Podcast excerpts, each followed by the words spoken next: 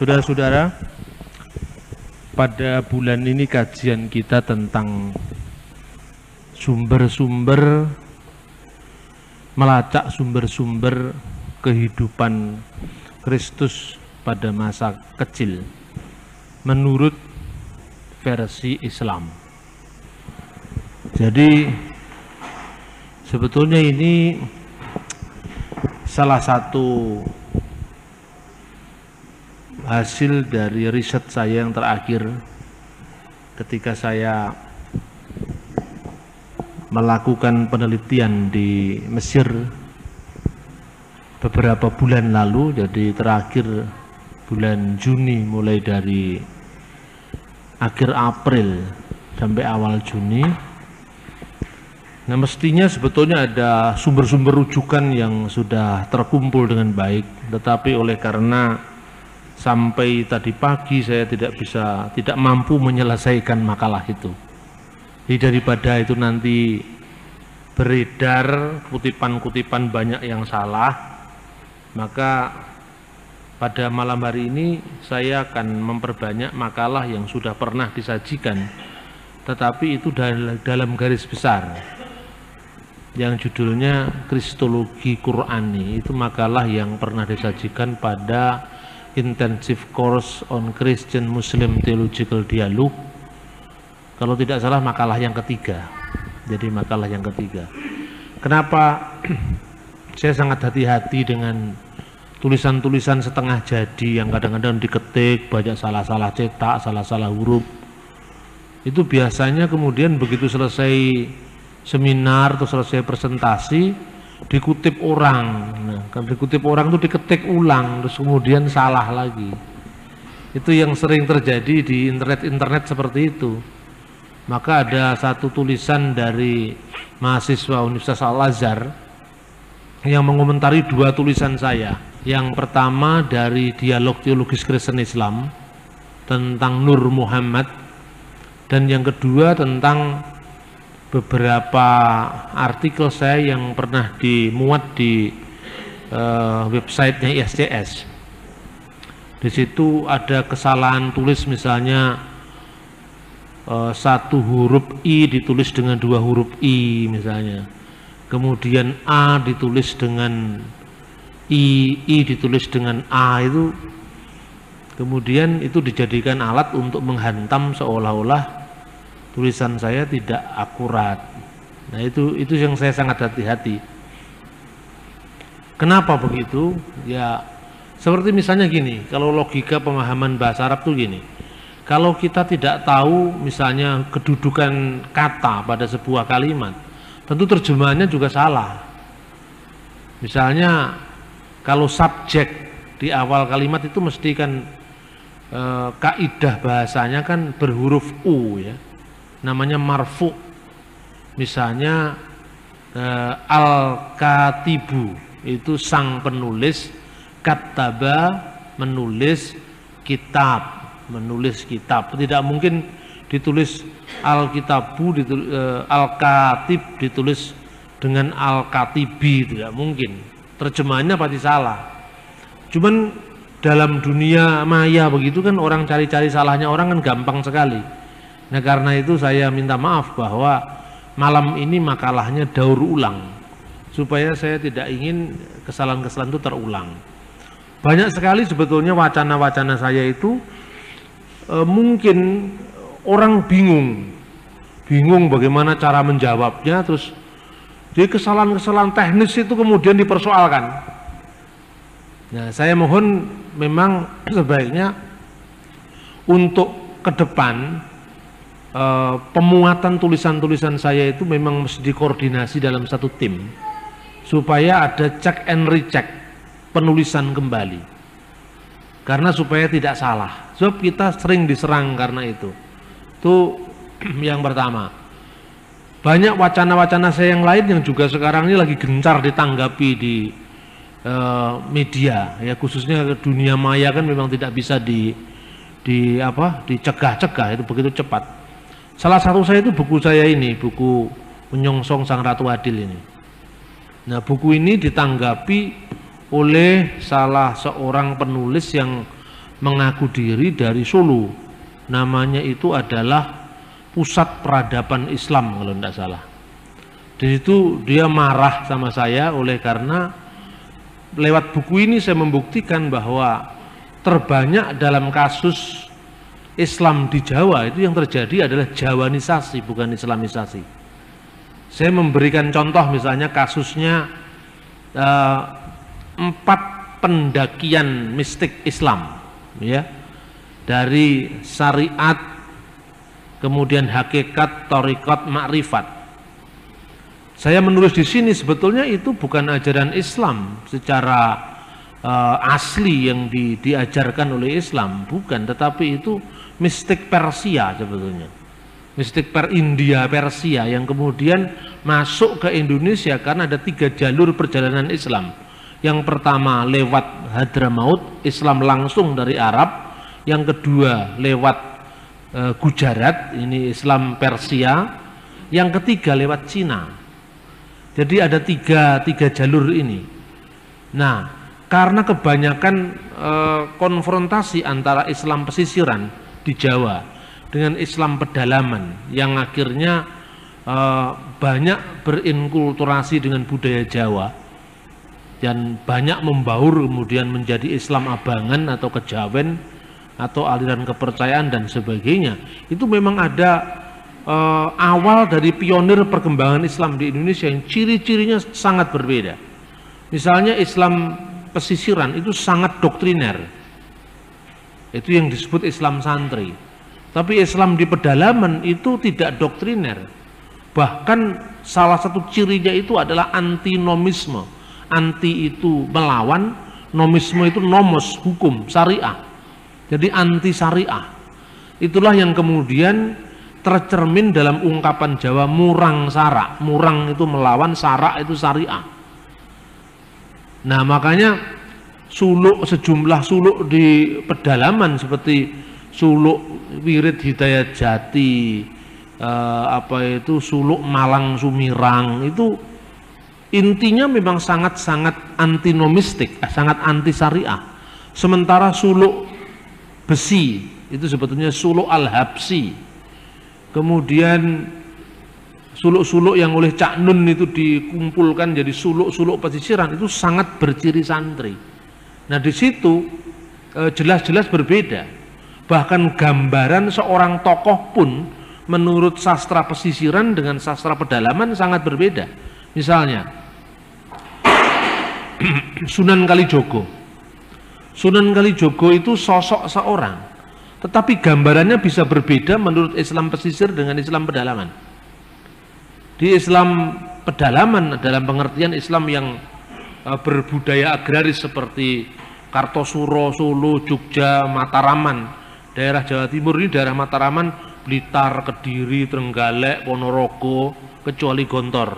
Tetapi daerah pesisir itu seperti uh, Jombang, Mojokerto, kemudian daerah pesisir utara, daerah-daerah santri, daerah tapal kuda, itu berbeda dalam penghayatan tentang Islam mereka.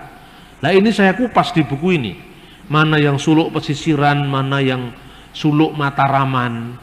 Nah dalam cerita suluk Mataraman ini sebelum kita masuk ke fokus kita, saya berikan introduksi cukup panjang, sekedar untuk memberikan reaksi terhadap komentar tulisan-tulisan saya di beberapa media internet. Itu di, uh, diungkapkan begini. Sunan Kalijogo itu mula-mula seorang begal seorang begal itu seorang perampok jalanan namanya Raden Sahid Raden Sahid itu mau membegal mau merampas hartanya Sunan Bunang ketika dalam perjalanan kemudian Sunan Bunang mengatakan kamu mau minta apa dari saya? Hartanya Tuan. Terus tangannya itu menunjuk kepada pohon kolang kaling, itu legendanya kan gitu. Tiba-tiba pohon kolang kaling itu jadi emas. Langsung karena tertarik dengan pangeran-meram Sunan Bunang, dia tidak jadi merampok. Saya ingin jadi muridmu saja. Pikiran dia, wah ini kalau saya jadi muridnya dia cuma menunjuk gini aja kolang kaling jadi emas. Tidak usah ngerampok lagi kira-kira seperti itu. Nah kemudian oke okay, kalau kamu mau jadi murid saya tunggu sampai saya datang lagi di tempat ini. Nah karena dia nunggu di pinggir kali makanya disebut Sunan Kali Jogo. Iya oke. Okay. Makalahnya sudah ada kalau misalnya mau ambil dulu silakan saya beri kesempatan supaya presentasinya bisa lebih mudah.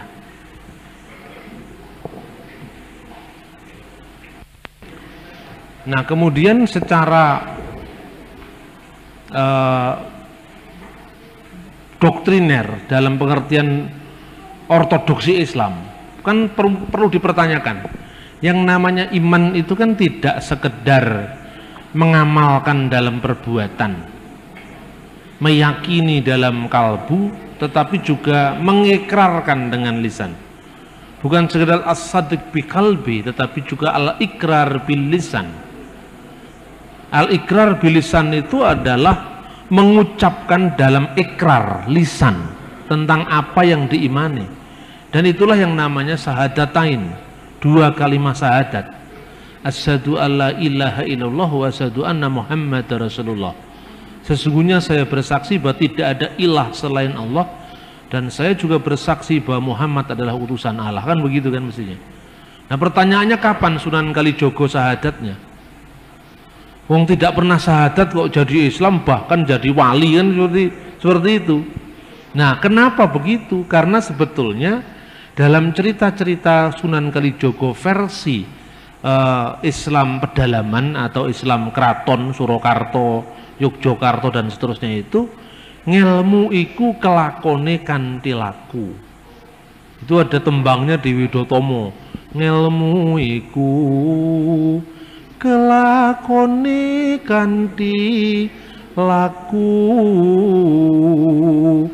lekase lawan kas tegese kas nyantosani setya butya pangekesing dur angkara jadi ilmu itu yang penting ngelakoni, tidak perlu konsep. Ini gaya Islam uh, pedalaman, bukan Islam pesisir. Kalau Islam pesisir itu ya pokoknya kamu Islam ya harus kalimat syahadat dulu. Nah sekarang coba kalau diteliti legenda-legenda Islam Jawa ini tidak sepenuhnya Islami. Dalam pengertian itulah yang saya tampilkan di buku saya ini. Itu salah satu ciri yang namanya antinomisme uh, kejawen. Orang Jawa itu sangat-sangat menekankan hakikat, bukan syariat. Romo Mangun almarhum mengistilahkan rindu sari dan cinta makna. Uh, jadi yang penting sarinya, yang penting substansinya, bukan rumusannya. Tapi kalau kita pahami dalam konteks suluk-suluk pesisiran tidak seperti itu. Bahkan ada juga sastra Jawa yang sangat-sangat apa ya ekstrim terhadap Islam. Dia mengatakan begini, Sulut Malang Sumirang ini, Islam tanpa sholat, Islam tanpa poso, Islam tanpa uh, haji. Nura selam yen durung kafir. Jadi tidak ada orang yang menjadi Islam harus kafir duluan. Jadi ini menentang supremasi Islam di Jawa dan dia mengatakan, loh kenapa kamu mengatakan harus Islam, harus agama Rasul? Wong kamu belum merasakan kafir kok. Kafir dulu ayo dicoba.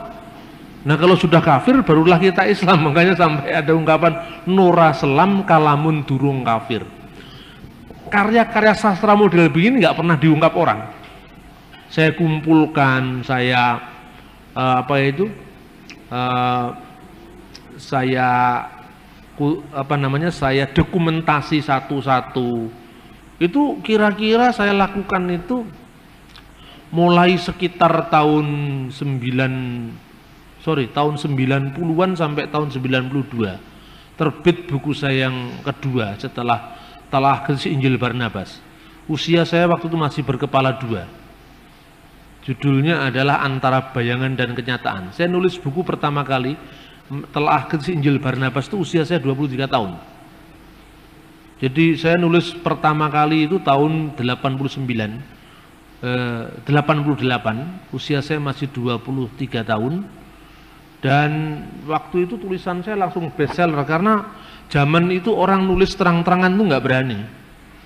Mesti kalau baca tulisannya Yusuf Roni, Hambar Nambri itu kan mesti ditaruh di disembunyikan di kalau tulisan saya kan enggak itu tulisan yang menjawab kesalahpahaman Islam yang langsung diekspos di Gramedia. Di Gunung Agung di mana-mana. Karena apa? Kalau saya ditanyakan review kembali pengalaman-pengalaman masa lampau kenapa menjadi seperti itu karena saya nulisnya pakai strategi bukan sekedar asal hantam saja enggak saya hitung beneran ini tulisan saya mengandung rumusan yang bisa diklasifikasi penodaan agama atau tidak. Misalnya, ketika saya nulis tentang Injil Barnabas, saya tidak pernah menghantam Islam sebagai agama, tapi saya menghantam pribadi-pribadi ulama Islam dan saya mengkanternya dengan ulama lain yang nggak setuju dengan ulama ini gitu loh.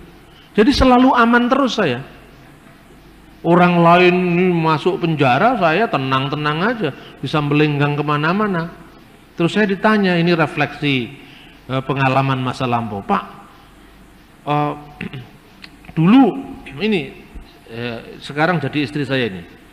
Waktu saya memberi kuliah di Paramadina tahun 98 itu. Itu kenal saya pertama kali dengan Safa itu. Dia hadir di ceramah saya, dia itu nyerang saya. Pak Bambang itu kompromistis. Saya tidak suka, tidak suka kalau sekarang jadi istri saya. Terus lama-lama dia tahu kan bagaimana pola-pola saya. Sekalipun artinya orang-orang itu saya kelihatan kompromis di depan forum sumber seperti itu. Tapi orang lebih tertarik saya ketimbang tertarik Komarudin Hidayat. Karena apa? Pendalaman materinya itu benar-benar saya tulis dengan literatur sampai halaman titik komanya tidak pernah tidak pernah lupa. Tulisan saya kan jelimet sekali coba kalau Anda saksikan ini satu kutipan aja, ini kutipan tulisan saya, pengkalimatan dari saya atau kalimatnya orang lain selalu saya kasih dalam tanda kurung. Sehingga tidak ada peluang sedikit pun untuk orang menyerang saya. Itu itu uh, apa sharing of religious experience dari apa yang saya lakukan dulu. Sehingga kalau Anda tanya kenapa, saya aman terus. Suatu saat saya ditanya pada saat ulang tahun pelayanan Yusuf Roni Crusade saya waktu itu saya dekat sekali dengan Pak Yusuf ke mana-mana. Pak Yusuf itu apa e, tampilkan saya. Tapi saya tidak jadi Yusuf Roni. Saya tetap saya gitu loh. Anda menjadi murid saya, Anda tidak perlu jadi saya. Anda adalah Anda. Setiap orang itu adalah pribadi yang unik di depan Tuhan. Tidak perlu kita seperti orang lain. Kalau Anda seperti saya, Anda gagal menjadi diri Anda sendiri. Ketika itu saya dekat dengan tokoh-tokoh nasional yang saya, saya kagumi seperti misalnya Romo Sudmulder, eh, Pendeta Abed Negu. Tapi saya bukan Pak Abed, saya bukan Romo Sud, saya adalah saya. Terus kemudian banyak orang kemudian tanya ke saya, loh kenapa Pak Bambang kok berbeda dengan Pak Yusuf? Loh iya saya berbeda dalam pengertian memang saya ya saya. Uh, banyak orang yang nggak suka sama saya, yang batak-batak itu nggak banyak nggak suka sama saya karena orang Batak itu tembak langsung. Kalau saya ngomongnya kan muter dulu, muter dulu baru kesimpulannya yang terakhir orangnya sudah asik-asik dengerin saya tak tutup ndase tek gitu lah. Gitu kan? Kalau orang Batak kan nggak ngomongnya di depan pros pros pros pros ditinggal ngalih kan gitu kan? Lah ini hanya pola sebetulnya, pola gaya. Saya tidak ingin Anda mencontoh saya. Setiap orang adalah pribadi yang unik di depan Tuhan. Tapi pengalaman ini minimal dapat mengilhami kita untuk menerjemahkan sesuai dengan bakat, karakter, dan budaya kita masing-masing. Terus saya ditanya loh, Pak Bambang ngomongnya mesti muter dulu kalau Pak Hambar Namri, Pak Yusuf itu tuh the point. Ya mesti aja Yusuf Roni orang Palembang, saya orang Jawa. Ya kan? Hambar Namri orang Banjar, tidak pernah ngerti wayang, saya ngerti wayang. Wayang itu kalau buta lorek jam songo mati. Pokoknya orang itu kalau ngomongnya gampang ditebak di mana, kayak film sinetron Indonesia itu loh, kan gampang ditebak itu mesti gini, mesti gini kan itu kan.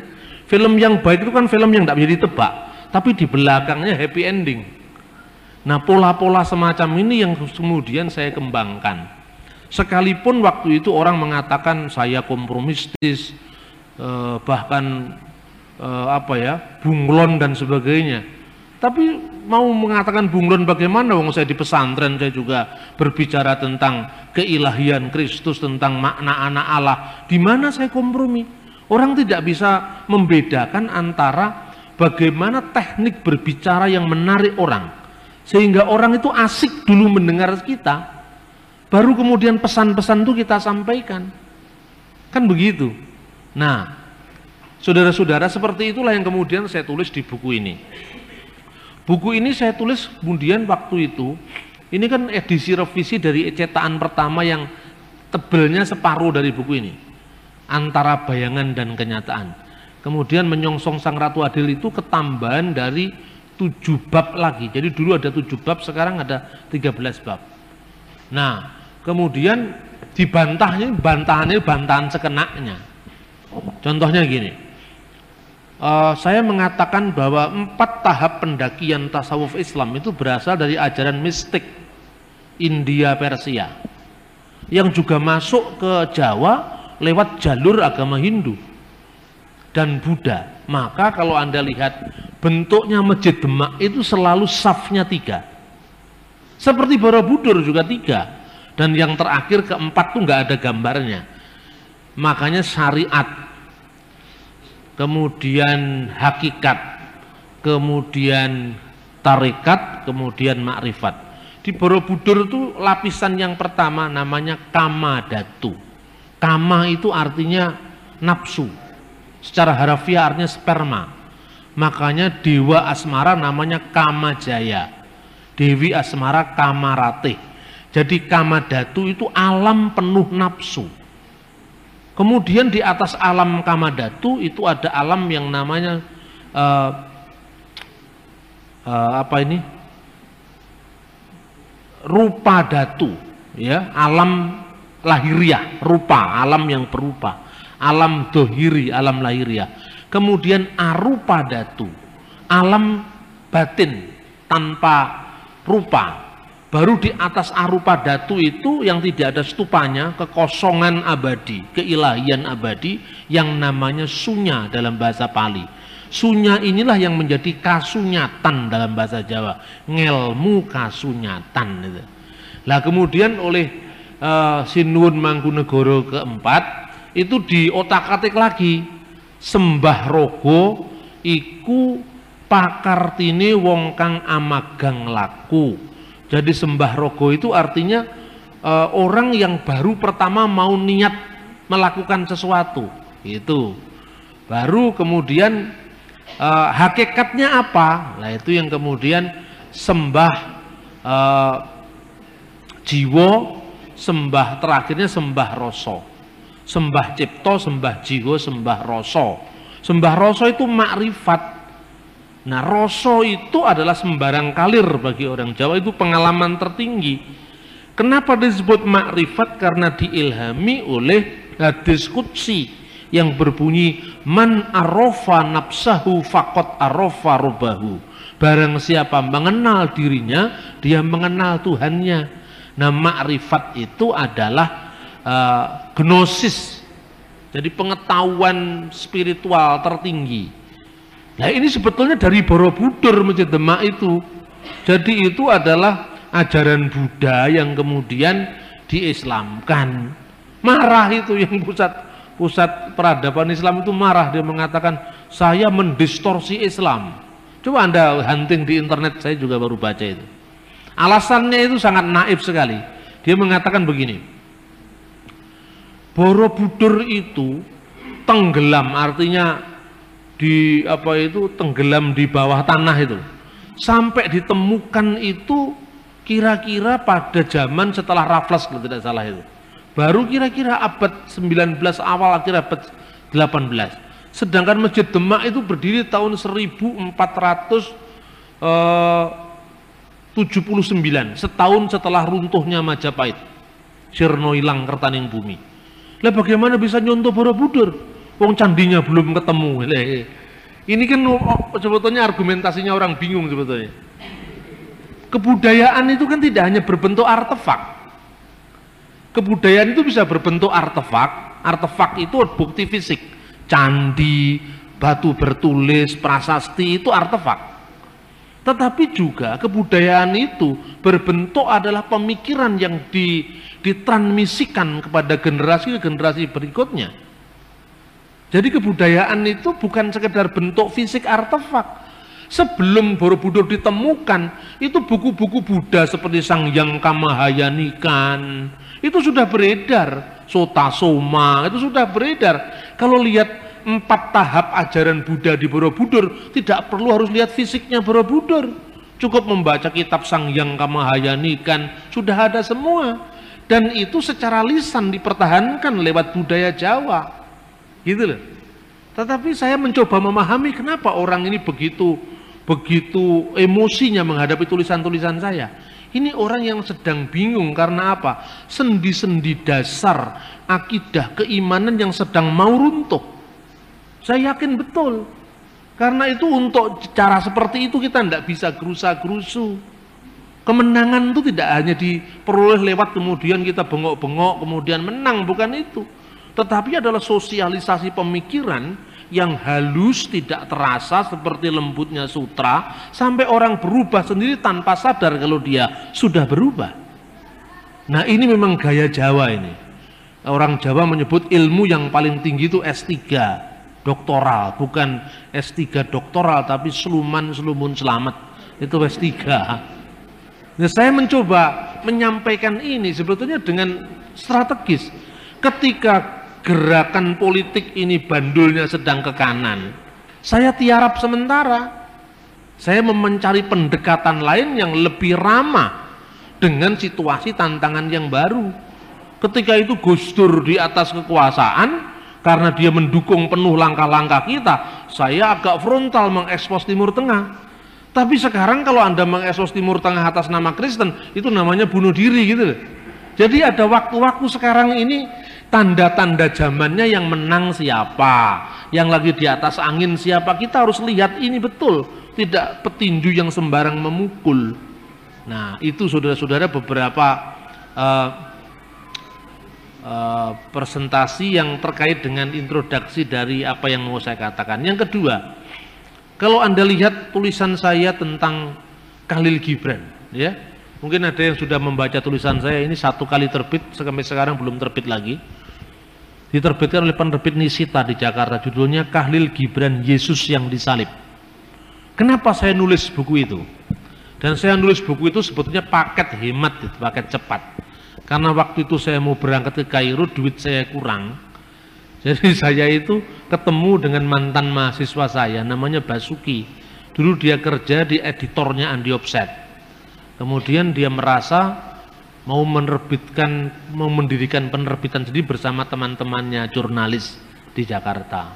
Terus dia minta Mas Bambang saya mau minta eh, tulisan-tulisan uh, Anda. Kalau perlu dibuatkan buku baru yang Andi Offset tidak pernah terbitkan atau penerbit lain tidak pernah terbitkan. Saya berpikir apa? Waktu lagi boomingnya Khalil Gibran. Nah itu karena ada pengalaman khusus saya ketika saya jalan-jalan di sebuah toko buku Gramedia. Ada dua sejoli eh, sejoli dua muda-mudi. Mungkin pacarannya satu sama lain itu. Dia lihat buku bukunya Khalil Gibran. Judulnya Yesus sang anak manusia kemudian si laki-lakinya mengatakan jangan buku ini karena Gibran itu hanya percaya Yesus itu manusia biasa. Dia nggak percaya keilahian Yesus. Karena dia saya lagi di kolom yang sama dari blognya Khalil Gibran ini maka kemudian saya kan dengar suaranya. Loh, kok bisa seperti itu? Lalu saya buka di sampul halaman depan itu. Kalau selama ini gereja mengajarkan keilahian Yesus maka Khalil Gibran hanya mengatakan Yesus adalah manusia biasa itulah pesan dalam bukunya Yesus sang anak manusia nah jadi ungkapan Jesus the son of man itu diartikan Yesus anak manusia biasa. Karena son of man dalam bahasa sehari-hari memang seperti itu. Tapi kalau Anda membaca sang anak manusia dalam Alkitab tidak seperti itu. pada saatnya engkau akan melihat anak manusia datang dari awan-awan di langit. Anak manusia yang duduk di sebelah kanan Allah Bapa, Allah yang Maha Kuasa. Bukan manusia biasa. Lalu saya belum punya bukti untuk mengatakan seperti itu, tapi yang jelas saya tahu Gibran itu seorang Kristen. Seorang penyair dari Lebanon. Saya punya teman orang Amerika, tinggal lama di Lebanon namanya Jimmy Nah, kemudian saya telepon dia, tolong saya dibelikan buku-buku Khalil Gibran yang dalam bahasa Arab, bukan dalam bahasa Inggris. Karena dalam bahasa Inggris itu sudah banyak mengalami distorsi ketika diterjemahkan. Kemudian datanglah benar kiriman-kiriman Khalil Gibran itu, di itu saya temukan salah satu kesaksian dari sahabat Khalil Gibran namanya Antoni Basir. Bukan Abu Bakar Basir, Antoni Basir. Antoni Basir itu seorang pendeta Abuna gereja Syrian Ortodok. Dia ini sahabatnya Khalil Gibran. Dia yang menerjemahkan karya-karya Khalil Gibran dari bahasa Inggris ke dalam bahasa Arab. Misalnya Yesus sang anak manusia itu aslinya dalam bahasa Inggris. Tapi Yesus al-Maslub, Yesus yang disalib, itu aslinya dalam bahasa Arab, diterjemahkan dalam bahasa Inggris itu. Dia nulis dalam dua bahasa.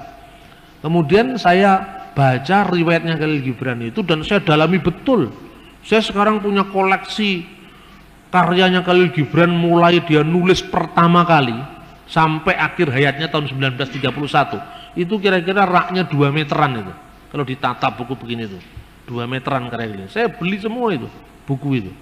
Nah, kemudian itu eh, Gibran itu ternyata suatu saat dia jalan-jalan di pasar tua kota Nasaret.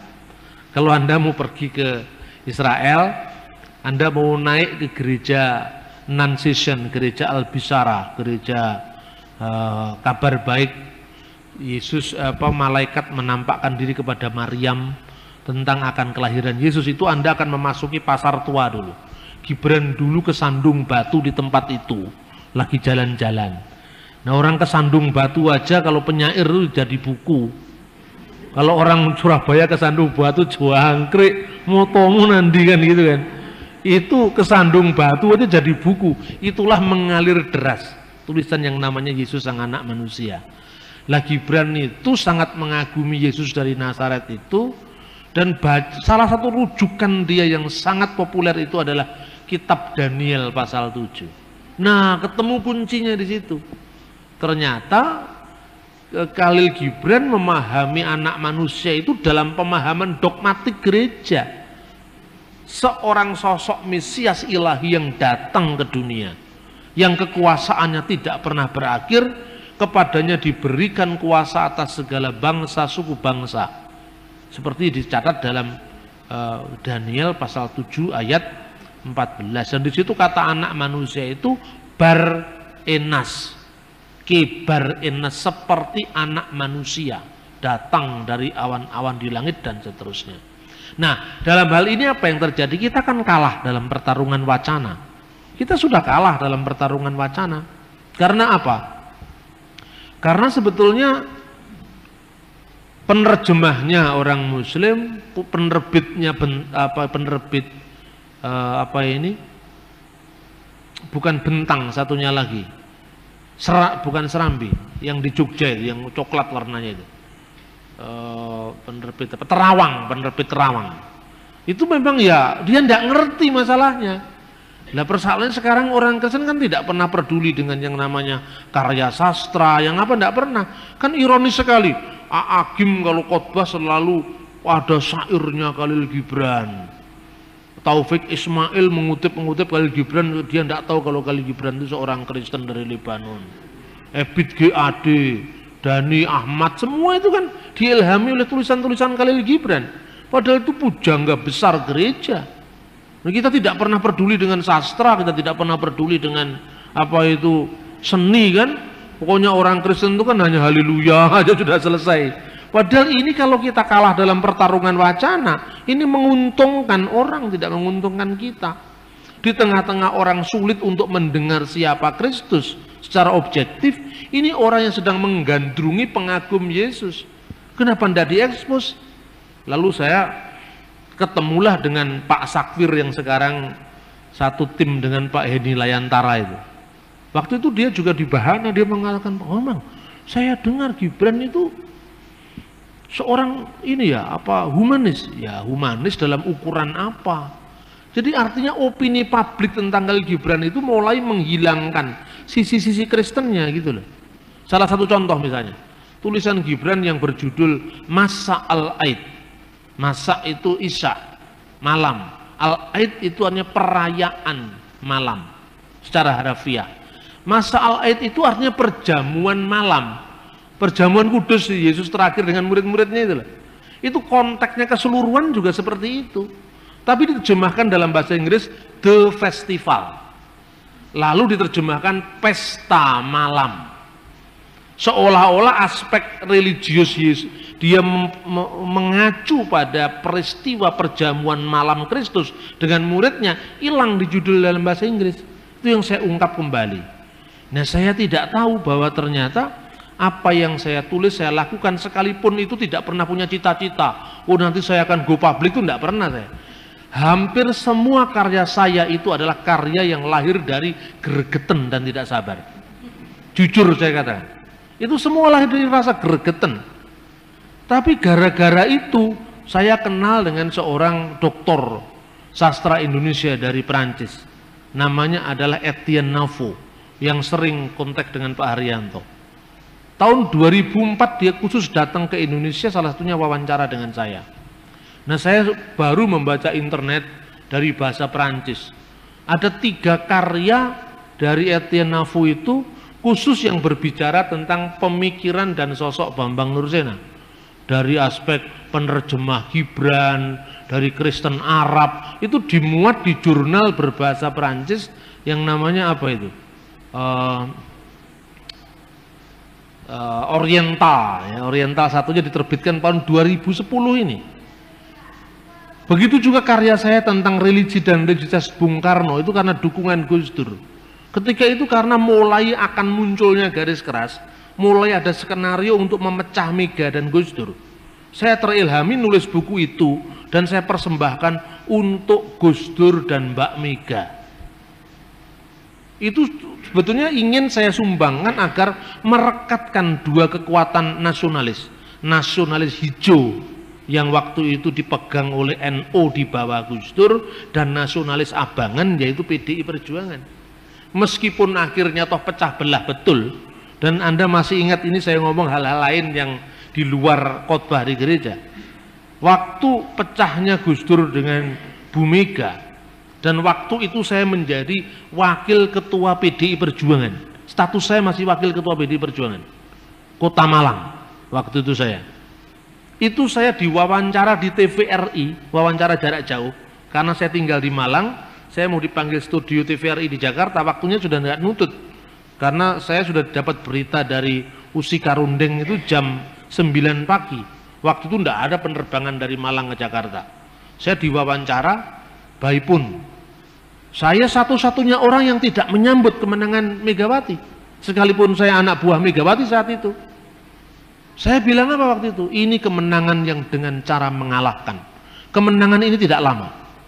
Wih itu masa PDI marah semua sama saya. Salah satu teman saya dulu di GMKI namanya siapa itu yang waktu jadi seperti sekretaris fraksi uh, Firman Jaya Daily Mas Bambang posisimu di mana? Maksudnya dia posisi anda bela Gus Dur bela Megawati? Tidak jawab. Posisimu di mana? Di Malang saya bilang gitu. Terus dia marah sama saya. Termasuk Pak Penny Suparto wali kota Malang marah sama saya. Lu anda ini kenapa kok minder terhadap Mega? Saya tidak minder terhadap Mega, tetapi ini sebentar lagi kita kalah. Dan bener kalah, beneran. Kalah apa? Mega tertarik dicalonkan jadi presiden dengan cara mengalahkan Gus Dur. Gus Dur marah, tidak habis-habis sampai akhir hayatnya. Dan tidak pernah mau dukung apa pun yang dilakukan Megawati. Dan akhirnya apa? Mega kalah, Gus Dur mati, yang menang kelompok garis keras. Nyatanya kan seperti itu. Jadi berpolitik itu pakai nurani, bukan sekedar untung-untungan cari selamat oleh duit, oleh proyek, bukan itu. Berpolitik itu harus melihat ke depan akan terjadi apa. Begitu juga saya nulis. Saya nulis itu bukan sekedar kalau saya nulis ini kemudian saya jadi public figure, diundang ke mana-mana, ke luar negeri nggak bayar itu nggak pernah punya pikiran seperti itu saya. Nggak pernah saya punya pikiran seperti itu. Tetapi karya-karya saya itu menjadi suksesor saya. Nah, apa yang mau saya sampaikan ini memang terkait dengan apa yang sedang saya gumuli dalam konteks panggilan kita di Indonesia sekarang. Persoalannya apa? Setelah saya renung-renungkan, saya gumuli setiap hari. Setiap peristiwa saya baca saya amati saya baca. Kira-kira 10 tahun ke depan kita mau jadi apa? 20 tahun ke depan situasinya seperti apa? Ini harus kita hitung sekarang. Kita prediksi sekarang. Nah terakhirnya saudara-saudara saya misalnya contoh terakhir ya. Satu contoh misalnya karena beberapa teman dari khususnya dari seorang pendeta di Magetan, Pak Bambang, Anda ini jadwalnya keluar setiap satu bulan itu berapa banyak? Oh banyak sekali Pak. Kurangi Pak. Usia Anda sekarang berapa tahun lalu? 45 Pak. Kalau caranya begitu Anda mati nanti gagasan Anda tidak tersebar. Mestinya Anda kumpulkan orang datang ke rumah Anda bukan Anda ke mana-mana yang datang cuma 30 orang, 40 orang, rugi dari segi apa efektivitas, apa sosialisasi pemikiran Anda rugi. Oh, saya mikir-mikir bener akhirnya saya membentuk kelas pemuritan di Malang yang akan dibuka besok tanggal 26 uh, eh, Juli. 26 Juli ini. Silakan Anda hadir enggak? Silakan. Nanti yang mau hadir saya kasih undangan daftar aja. Gratis enggak bayar. Nah, saya nggak pernah terpikir sampai ke situ saudara-saudara. Tadi malam ada seorang teman guide di Mesir. Namanya Sameh Farkan. Dia seorang diaken dari gereja ortodok Al-Adra di Subra Al-Keima di Kairo. Jadi dia termasuk orang yang penting lah di jemaatnya gereja ortodok yang cukup besar di Kairo. Kenal sama saya sudah cukup lama karena dia sering menjadi guide dan saya sering menjadi pemandu rohani dari Indonesia. Dia email ke kita bahwa dia mau belajar bahasa Indonesia di Jakarta. Di tempat mana dia bisa belajar bahasa Indonesia? Terus kita tulis saja ngapain ke Jakarta? Kamu datang aja ke rumah saya, saya ajari kamu bahasa Indonesia. Berapa lama? Satu bulan. Oke, satu bulan datang aja. Berapa biayanya? Gratis, enggak bayar. Nah, tapi gantian Anda mengajar bahasa Arab pada murid-murid saya. Dan Anda saya ajari bahasa Indonesia. Lah, angkatan pertama ini spesial karena ada dosen bahasa Arab yang langsung dari native speaker. Jadi saya dia tidak saya tarik uang selama di rumah saya, tidak gratis, tapi tugas kamu ngajar bahasa Arab pada angkatan pertama kelas pemuritan itu kan take and give yang sehat kan lah kan belajar bahasa Arab sendiri apalagi belajar dari orang pesantren. Sulit itu putih A dibaca O, barakah dibaca barokah. Itu kan lidahnya orang Saudi Arabia. Di sini kan bahasa Arabnya semua Arab Saudi. Bukan Arab modern Arabik. Dan Anda menguasai bahasa di pesantren, di Mesir Anda nggak bisa ngomong, nggak bisa komunikasi. Karena bahasa klasik itu hanya dipakai di beberapa daerah Arab yang secara media itu kalah Arab Saudi. Sinetron itu kan musalsal, musalsal bahasa Arabnya. Sinetron itu yang pertama dulu juaranya Timur Tengah Hollywoodnya itu di Beirut. Sejak dekade 90-an Hollywoodnya Timur Tengah itu Kairo. Sekarang Anda mau ngomong bahasa Arab kologial Arabik, Mesir. Orang Libanon ngerti, Saudi ngerti, di mana ngerti. Coba Anda mau belajar bahasa Arab, kata ya itu apa? Naam. Tapi kalau Anda ke Mesir, Aiwa, kamu cari di kamus bahasa Arab mana pun, kata Aiwa itu tidak ada. Kalau Anda belajar bahasa Arab klasik, laisa mungkinan, tidak mungkin. Tidak mungkin, laisa mungkinan. Tapi kalau Anda ngomong sehari-hari di seluruh dunia Arab, mis mungkin. Kata mis itu berarti kata misi. Dan misi itu bahasa koptik yang artinya tidak bahasa Arab itu perkembangannya begitu cepat dan tidak mungkin kita hanya menguasai bahasa Arab dari buku-buku Arab Indonesia. Ini pentingnya. Jadi so ada bayangan. Kalau kita menang dalam pertarungan wacana seperti ini, kita akan disegani. Saya ini diundang di pesantren-pesantren, diundang di forum-forum non-Kristen. Terakhir kemarin di Lamongan diundang oleh temu nasional generasi muda Parisada Buddha Nichiren Sosu. Oh Nichiren Sosu itu sebelumnya sudah ngerti apa itu. Itu aliran Buddha, Bodhisattva terakhir dari dari Jepang.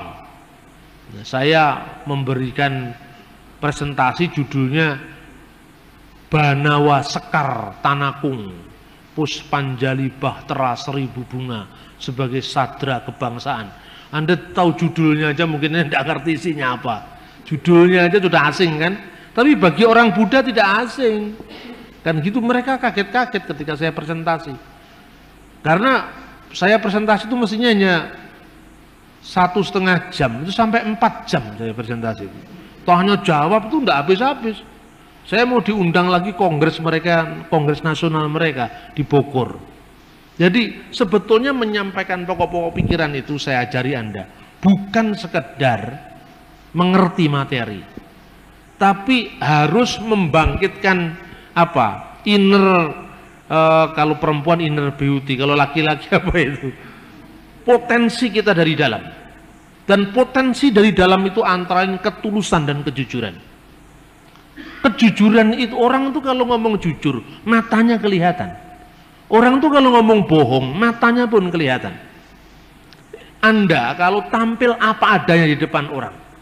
Kalau saya misuh di depan orang itu misuh kejujuran. Saya tidak pernah bertopeng dengan topeng-topeng lain. Anda akan punya karisma besar di depan orang. Tapi kalau Anda ngomong aja matanya tidak berani mandang orang, ah itu berarti orang Jawa menyebut celingus, itu tidak punya tidak punya potensi diri. Pintar tidak cukup. Kepintaran itu perlu mengasah yang namanya kecerdasan emosi dan kecerdasan spiritual. Nah, itu beberapa pokok pikiran yang kadang-kadang ingin saya sampaikan. Kenapa ada kelas pemuritan? Pikiran saya. Tidak semua yang seperti ini kan saya tulis langsung. Saya sekarang ngomong seperti ini sampai saya pun nggak sempat bikin makalah sampai terakhir saya ditunggu untuk nulis yang lain dan itu rutinitas ini kan harus saya selesaikan minimal akhir tahun ini. Supaya saya tidak hutang kepada orang lain. Kalau anda di sekeliling saya mungkin anda membawa laptop mungkin anda membawa rekaman maksud saya itu anda tulis nanti saya periksa. Cukup untuk menjawab dunal bebek untuk menjawab itu. Cukup anda ngomong-ngomong dengan saya aja anda yang nulis itu loh. Fungsinya apa? Anda juga ngerti apa yang kita pelajari, apa yang saya gumulkan, dan Anda tidak dipaksa belajar karena ke kewajiban, tapi belajar karena kebutuhan. Itu sangat lain. Nah, saudara-saudara, tema yang kita angkat seperti ini bukan tema yang baru. Islam itu muncul di tengah-tengah perang dingin sebetulnya. Kalau sekarang kan perang dingin Soviet Amerika sudah berakhir. Dua imperium antara Imperium Bizantium yang notabene Kristen dan Imperium Sasanid yang notabene adalah Surwaster.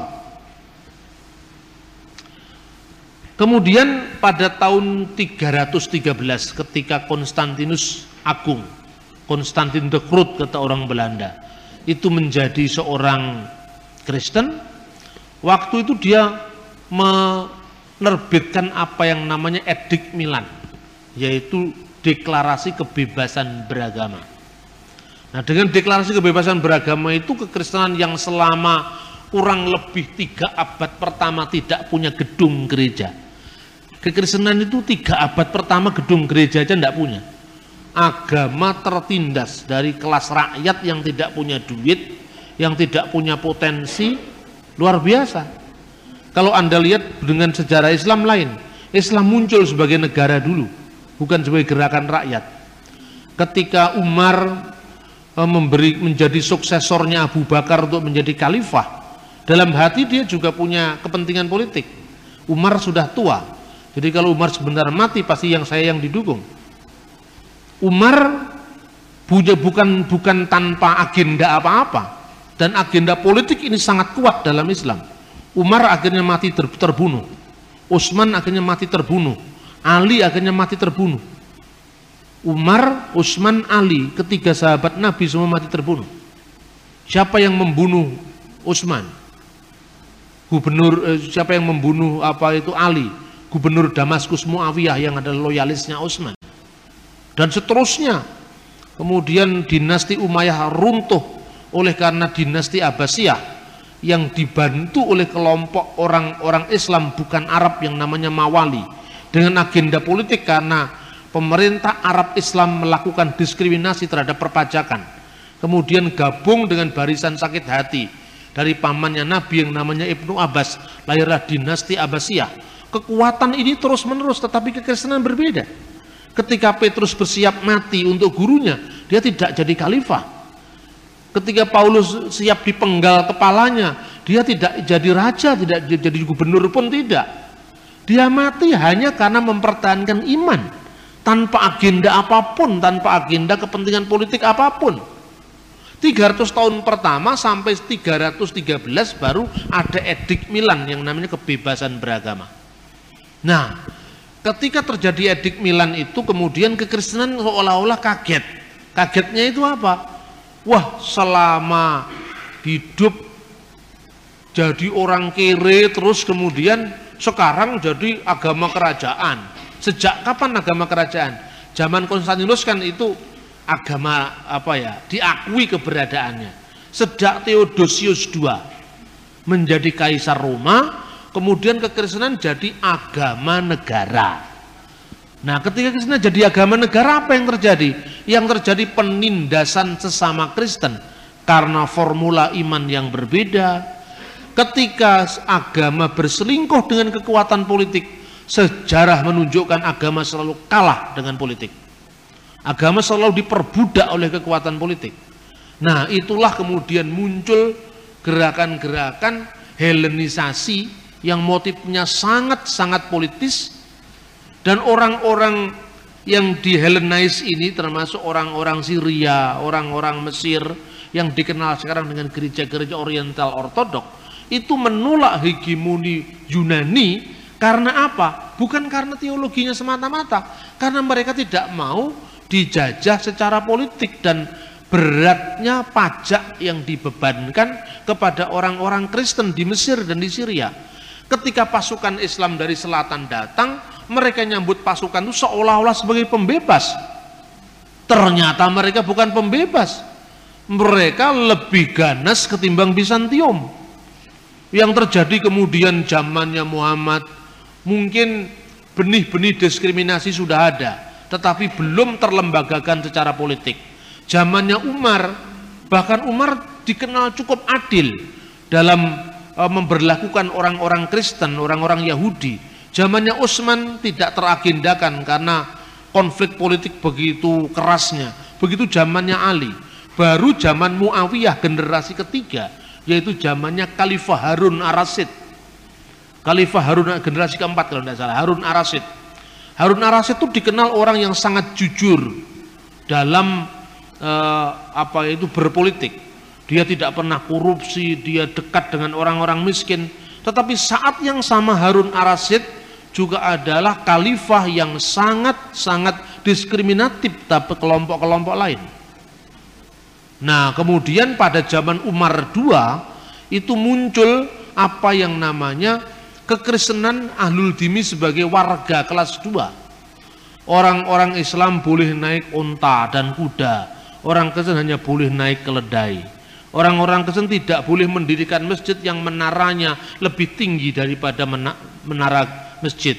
Tidak boleh mendirikan menara gereja yang lebih tinggi dari menara masjid Orang Kristen boleh ada tapi tidak boleh mengadakan perayaan dengan haleluya haleluya di depan umum. Mereka hanya boleh dalam ruangan Fakta Umar II inilah yang menyebabkan kekristenan sampai hari ini uh, tersubordinasi di bawah kekuatan Islam.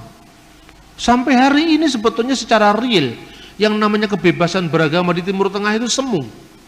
Karena apa? Orang Kristen itu dilindungi seperti bonsai, tapi tidak boleh berkembang. Ya lama-lama mati. Kecuali kalau mereka memiliki kekuatan yang luar biasa dalam apa? Di dalam uh, intelektualitas, bisnis termasuk bisnis. Yordan itu kerasnya cuma 5%. Tapi karena perekonomian para bankir di West Bank yang memainkan peranan ekonomi di sana orang-orang Kristen, termasuk bapaknya uh, istrinya Yasser Arafat itu. Ya namanya Daud Towil itu adalah seorang yang sangat berpengaruh di sana, maka cukup uh, bertahan di Mesir misalnya. Kedutaan Indonesia saja itu sebenarnya hibah dari keluarga Butros Gali. Saya sempat membaca perjanjiannya dalam bahasa Arab, zamannya Bung Karno itu dari keluarga Butros Gali. Itu luar biasa loh. Sampai-sampai seorang keluarga Kristen bisa terlibat dalam sebuah perundingan dengan pihak-pihak negara lain yang notabene Indonesia adalah mayoritas masyarakat muslim yang berperan keluarga Butros Gali. Petrus Gali orang Kristen yang cukup terkenal sampai hari ini, maka Kristen bertahan.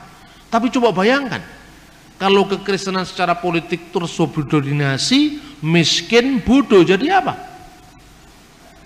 Kekuatan kita itu salah satunya adalah kekuatan dalam unsur bisnis dan intelektualitas. Anda kalau memberi buku-buku di Mesir, buku-buku yang begini itu tebelnya, itu harganya tidak sampai 10 pon. Bisa cuma 7 pon, bisa cuma 9 pon. Itu kalau dirupiahkan hanya 14 ribu rupiah. Mana ada buku segini harganya 14 ribu di Indonesia?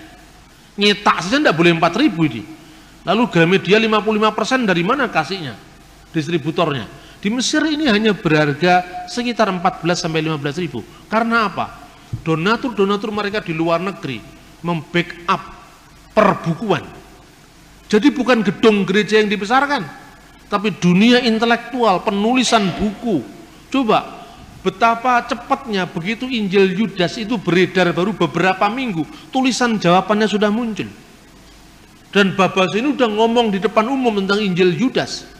Dia meralat Injil Yudas itu pernah ditemukan di perpustakaan biara di Saint Anthony. Tidak pernah disembunyikan.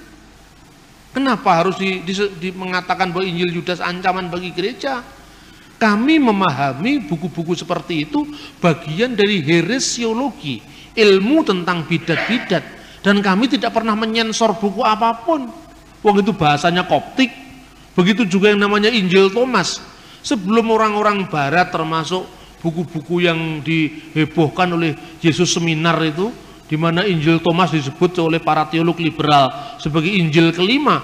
Di Mesir diterjemahkan bilingual Arab, Inggris, dengan terjemahan interlinear Anda bisa akses di internet dan sampai sekarang yang namanya Injil Thomas disimpan di Museum Koptik di Kairo lama.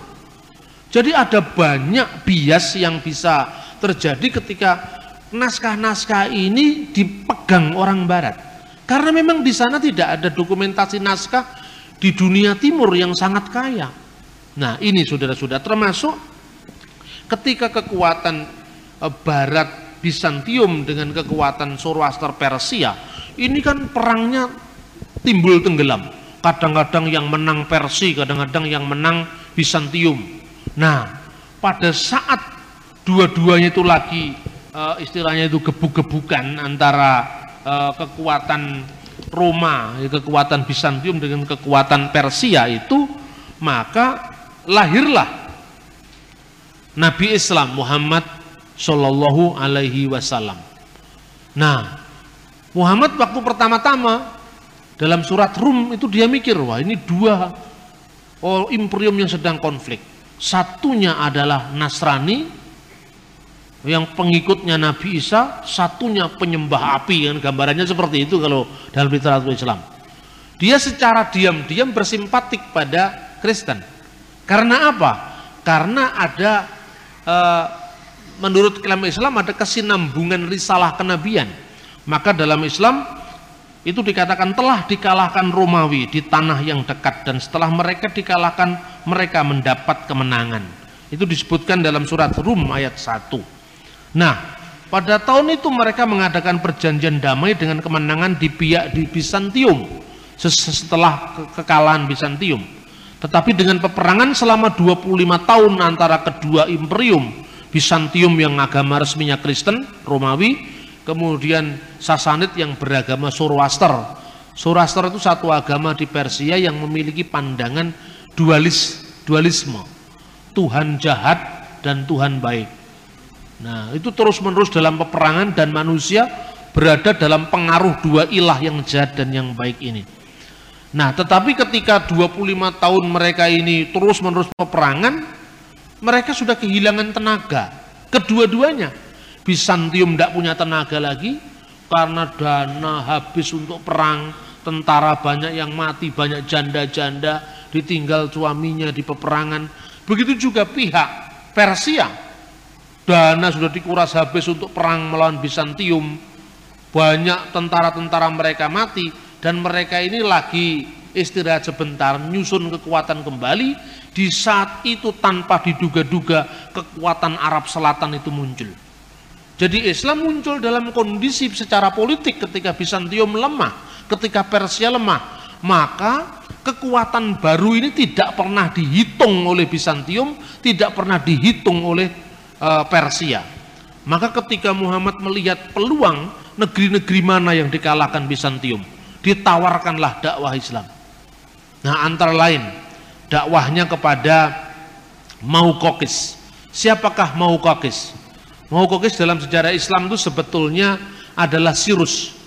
Sirus itu siapa? Sirus itu adalah seorang gubernur pemungut pajak yang ditempatkan pemerintah Bizantium karena pada saat itu patriak ortodok koptik, patriak penerus takhta rasuli Rasul Markus yang ke-79 itu diasingkan di Alexandria. Nah, di rumah pengasingannya itu maka takhta kepatriakan kosong lalu ditempatkan gubernur pemungut pajak ini. Coba bayangkan, gubernur pemungut pajak disuruh jadi pemimpin gereja tertinggi yang namanya patriak. Nah, dia tidak punya yang namanya Sirus itu kan tidak punya kekuatan rohani yang besar. Yang ada saya orangnya kaisar, saya penguasa tertinggi, saya bisa mimpin liturgi sekaligus bisa memungut pajak.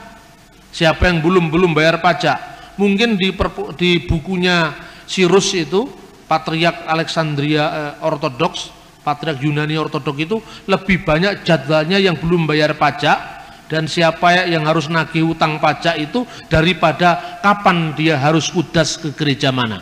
Mungkin lebih banyak tagihan pajaknya yang di utangannya dia. Dalam kondisi seperti itu dia menerima surat Muhammad. Mau kakis. Salam bagi mereka yang menerima petunjuk dari Muhammad Rasulullah.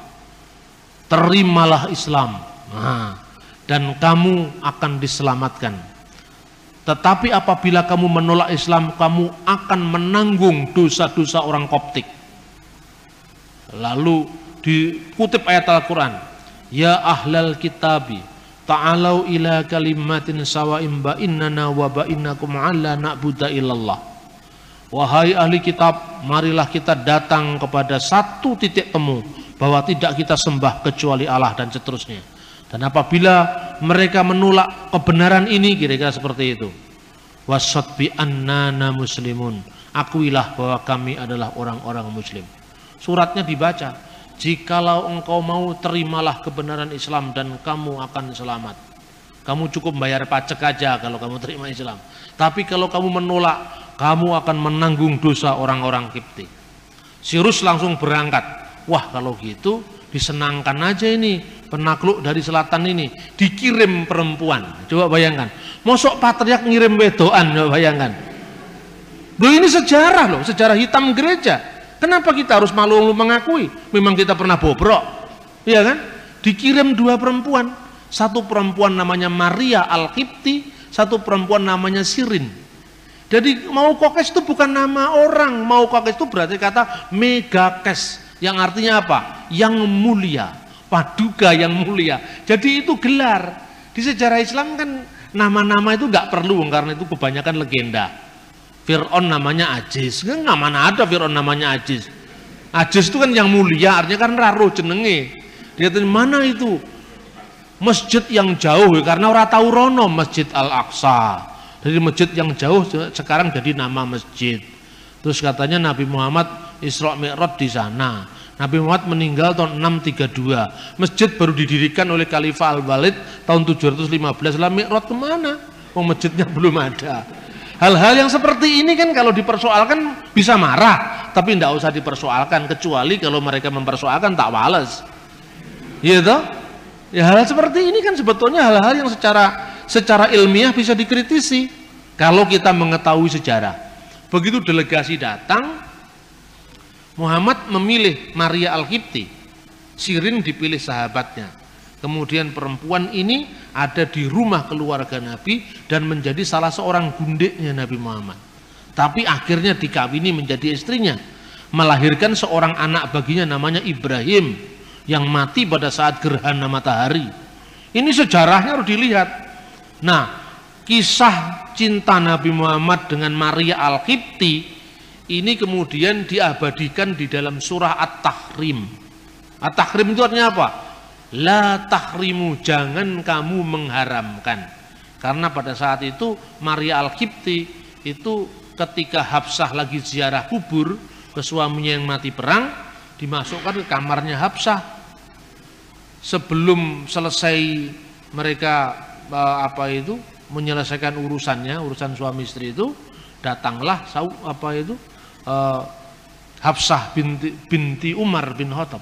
Lalu dikatakan, "Hai Nabi, bagaimana mungkin kamu melakukan hal seperti ini?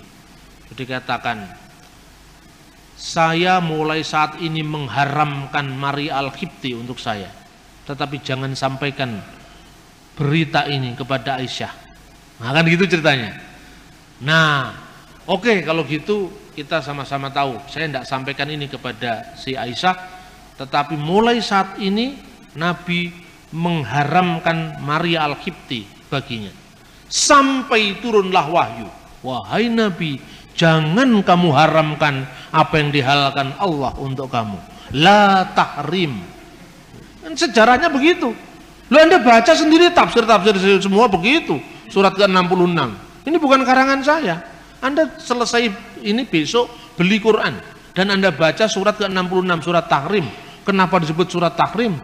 Karena Allah mengingatkan Nabi loh, ini diperuntukkan bagi kamu kok kamu haramkan. La tahrimu jangan kamu haramkan. Jadi ceritanya kan seperti itu. Nah, kenapa patriark memberikan kepada Nabi uh, hadiah Maria Al-Qibti? Karena ketakutan. Ketakutan karena apa loh? Sudah enak-enak mungut pajak aja kan. Iya kan? Nah ini yang terjadi. Nah saya itu kalau ngomong-ngomong di forum-forum Mbak Asasi, yang gini-gini tuh saya saya kutip. Tapi caranya ngutip ya cara dalang. Kalau cara kutipnya itu cara pendeta ya bisa diserang orang. Kalau caranya orang dalang kan orang nggak terasa. Saya dalang kemarin begitu loh di Jogja. Yang mengadakan acara itu ada LBHI, Lembaga Bantuan Hukum Indonesia. Mereka mengadakan pelatihan HAM di seluruh Indonesia hadir ada 30 orang yang hadir. Salah satu pembicaranya itu adalah seorang pejuang HAM kebebasan beragama, orang Mormon. Dari Amerika datang dia. Yang biaya itu dari mereka. Terus saya ngomong tentang Mormon. Tuh, pertama saya ditanya, Pak bagaimana kan statusnya Ahmadiyah di Indonesia? Saya bilang Ahmadiyah itu kalau di Indonesia ya karena umat Islam keberatan. Keberatan apa? Lah Muhammad itu kan nabi terakhir. La ya ba'ti tidak ada nabi sesudahku. Lah ini kok ngaku nabi dan masih pakai bendera Islam. Itulah sebabnya orang sekelah Yusril Islam Indra mengatakan, Ahmadiyah bebas, silahkan beribadah di Indonesia, tapi jangan bawa nama Islam. Nah, padahal dalam satu agama itu kan tafsir itu bisa berbeda-beda. Syiah sekarang Syiah itu kan jelas-jelas pandangannya berbeda dengan Sunni. Orang Syiah mengatakan bahwa Syiah yang paling ekstrim, yang Imamah 12 itu. Ali itu satu-satunya suksesor Nabi. Lalu bagaimana Abu Bakar, Umar, Utsman? Mereka tidak sah. Bahkan mereka yang mengatakan Umar itu merampah hak kekhalifahan Ali. Tapi kok kenapa Syiah boleh hidup? Karena Syiah punya kekuatan politik. Coba kalau Syiah tidak punya kekuatan politik, ya nggak boleh hidup punya kekuatan politik karena Iran itu negara besar. Coba kalau Iran itu negara kecil dan mereka tidak punya kekuatan politik seperti Ahmadiyah habis. Jadi kadang-kadang saya mikir Kalau Anda orang-orang Kristen punya kekuatan, ya bentuk kekuatan, bukan sekedar kekuatan wacana. Tapi kalau tidak mungkin yang dompleng yang punya kekuatan, kita bermain di belakang kan begitu. Nah, terus kemudian saya jawab, ya bagi standarisasi akidah Islam memang begitu. Tapi saya mau sharing pada Anda. Saya ini Kristen, dan saya mengaku Yesus itu adalah satu-satunya jalan dan kebenaran dan hidup. Bagi saya, setelah Yesus tidak perlu ada nabi. Termasuk Islam tidak perlu ada. Ini saya, saya bilang gitu. Saya ngomong begitu loh di depan umum. Loh saya mengatakan, loh Islam kan menyempurnakan Pak. Yang disempurnakan itu apanya yang sudah sempurna kok disempurnakan? Saya tidak perlu merasa disempurnakan coba. Apanya yang disempurnakan? Kalau disempurnakan sekarang. Kisah-kisah yang tidak ada di dalam uh, Quran itu kok bisa sejarahnya muncul di tafsir jalan lain, di tafsir Tobari, di tafsir uh, Ibnu Kasir dari mana? Sampai tahu bahwa cerita tentang Elias, cerita tentang Elisa dari mana taunya? Kok sampai tahu bahwa istrinya uh, bahwa uh, ada keluarga Yohanes Pembaptis, Yahya, yang namanya Asba atau Elizabeth. Padahal di Quran nggak ada kata Elizabeth, kok sampai muncul nama Elizabeth dari mana coba? Ya dari Bible, dari mana lagi kalau bukan dari Alkitab? Tapi kalau itu sudah dikutip oleh Ibnu Kasir, orang tidak lagi membahas Ibnu Kasir dapatnya dari mana. Coba lihat di tafsir-tafsir di umum, ini ada di tafsir uh, At-Tabari, Ibnu Jarir At-Tabari yang judulnya Jami'ul Bayan fit Tafsir Al-Quran juz sekian, halaman sekian terus dapatnya dari mana Tabari? lo kenapa sumber yang dikutip Tabari kok ditolak, dituduh palsu?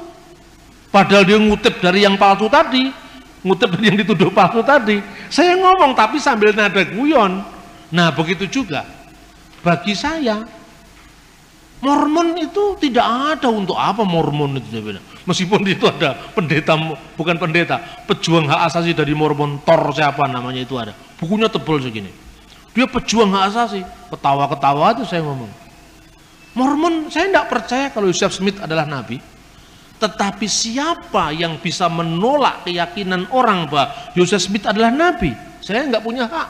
Yang punya hak adalah Tuhan. Dan Tuhan aja mengizinkan kok saya menolak. Biarkanlah lalang itu tumbuh sampai bersama gandum sampai waktu menuai saya bilang itu nah saya tidak tahu kalau bapak merasa lalang atau enggak itu bukan urusan teologi ini urusan hukum loh saya ngomong begini kan ngomong gergeran tuh tapi terakhir-terakhirnya kemudian dia ngajak saya minum kopi ditanya menurut anda saya ditanya penasaran sampai saya naik pesawat mau terlambat ini gaya saya ngomong ini kan gaya dalang jadi kalau disuruh pakai powerpoint ya saya tidak telaten saya. Mesti dibatasi kan. Saya tunjukkan seperti itu. Nah kembali ke tema kita. Dalam kondisi ketika kesenan itu di eh, apa itu di dicabik-cabik oleh oleh perpecahan. Ya kan? Maka Saudi Arabia khususnya Mekah dan Medina itu menjadi tempat pengungsian bidat-bidat Kristen. Maka kalau Anda membaca tulisannya uh, Tarik Al-Kanisahnya uh, Eusebius Al-Kaisari, Eusebius dari Kaisaria. Arabia Harekum Ferak. Arab itu pabriknya bidat-bidat Kristen. Nah, dalam kondisi kekristenan yang rusak, dalam kondisi politik yang dihegemoni oleh Bizantium dengan Persia, dalam kondisi di mana orang-orang Arab tidak punya harga diri, Nabi Muhammad muncul memunculkan nasionalisme Arab. Faktor pertama. Yang kedua, Muhammad seolah-olah mempersatukan bahwa ini Kristen terpecah-pecah. Dan seluruh orang Kristen mereka tidak mengakar pada budaya Arab. Sampai-sampai dalam kitab hadis dikatakan bahwa Injil itu ditulis dalam bahasa Suryani. Seorang e, Arab selatan, kalau dia ingin tahu agama Kristen, dia harus pergi ke Bizantium. Dia harus pergi ke Haran. Untuk apa? Belajar bahasa Yunani atau Suryani. Itu menunjukkan bahwa pada zaman Muhammad, Injil belum diterjemahkan ke dalam bahasa Arab. Ini harus dipahami.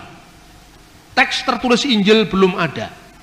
Karena itu sangat sulit menentukan mana yang apokrif, mana yang kanonik. Kalau ditulis bahwa Warakoh bin Naufal adalah seorang pendeta yang menerjemahkan bahasa Ibrani ke dalam bahasa Arab, itu mana bukti teksnya? Tidak pernah ada. Bukti manuskripnya tidak pernah ada. Itu kan karangan sejarah yang disetting oleh Ibnu Hisham untuk memberi tempat pada uh, apa ini nubuatnya Muhammad tapi di sini tidak ada fakta sejarah yang mengatakan ada manuskrip Injil dalam bahasa Arab yang ditulis oleh Warakah bin Naufal di sini Hamran Amri teledor kenapa mengutip sejarah versi Islam yang tidak bisa dibuktikan secara historis di sini banyak apologet-apologet Kristen ngawur mengutip. Kalau Anda mengutip bahwa bisa menerjemahkan dalam bahasa Arab dari kitab Injil, kenapa harus ada kesalahpahaman tentang buku-buku apokrifa? Berarti kan ada standarisasi yang kanonik, mana yang tidak kanonik. Nyatanya belum ada standarisasi. Nah, tetapi bahasa Arab itu menjadi bahasa yang digunakan untuk mengomentari teks Injil betul itu terbukti dari tulisan James dari Edesa, Yakobus dari Edesa. Dia menulis teks Arab mengkomentari teks Injil dalam bahasa Suryani, bukan teksnya bahasa Arab. Itu pun wilayahnya di Arab Utara, di Syria, tidak di Jazirah Arab. Arab Selatan di tempatnya Islam gitu loh. Jadi bagi saya di hadapan kritik sejarah banyak yang tidak berdaya karena tidak bisa membuktikan mata rantai historisnya dalam kondisi yang seperti ini di tengah-tengah orang Arab, Arab krisis harga diri Muhammad dengan gagah berani saya adalah Arab firman Tuhan diwahyukan kepadaku dalam bahasa Arab kan luar biasa ada kebanggaan yang luar biasa di tengah-tengah orang mengatakan agama Kristen dari barat agama Islam dari Arab agama Hindu dari India agama Buddha dari Sri Lanka agama Konghucu dari Cina Kemudian orang Jawa selamanya tidak punya kitab tapi kitab telas. Ya kan? Kitab yang tertulis dalam hati. Tiba-tiba muncul seorang yang mengatakan aku membawa kepadamu pesan Tuhan dalam bahasa Jawa. Apa bukan mongkok bangga kita? Itulah salah satu faktor nasionalisme Arab yang muncul pertama. Yang kedua adalah Islam dengan kekuatan militer mendapat keuntungan karena dua kekuasaan ini sedang lemah, kehabisan tenaga, bertarung berpuluh-puluh tahun, bahkan ratusan tahun. Ketika itu secara tidak diduga-duga ada kekuatan baru yang muncul dari Arab Selatan. Dan salah satu motivasinya apa ketika berperang? Kalau kita kalah, kita masuk surga. Kalau kita menang, kita akan membagi harta rampasan, membagi harta fa'i. Nah coba, kan luar biasa. Kartu diwolak-walik menang terus, lek kalah mati munggah swargo lek menang wah biasanya mangan kurma kletak. Watos masuk ke Hilal Al-Kasib. Hilal Al-Kasib itu daerah bulan sabit subur daerah sungai Nil daerah sungai Efrat daerah sungai Orontes di Syria. Itu kan daerah yang subur semua itu. Biasanya ngeletak kurma ceklak. Mangan pisang. Jus ini enak. Akhirnya apa? Ini motivasi terus berperang. Dan ini yang mengatakan bukan saya. Jihan Sadat, istri mendiang Presiden Anwar Sadat mengatakan, negeri kami dijajah orang Arab. Lu itu ngomong di dalam bukunya Sayyid Al-Masri, Sayyidah min Masri, Our Lady uh, from Egypt dalam bukunya itu. Ditulis begitu. Jadi ternyata Orang-orang Mesir memahami Arab itu tetap bukan sebagai dakwah murni, ada motivasi politik di sana. Nah, dalam kondisi tiga ini, faktor budaya Arab diangkat, faktor nasionalisme Arab diangkat, perpecahan gereja di, di posisi Islam diuntungkan dan yang terakhir adalah kekuatan politik kedua imperium yang sedang lemah Islam dengan kekuatan militer maka Islam bergerak begitu cepat memasuki daerah bulan sabit subur, memasuki Yerusalem, bahkan nantinya pada masa dinasti Umayyah memasuki Cordoba, memasuki Spanyol. Ini luar biasa prestasi yang gilang gemilang.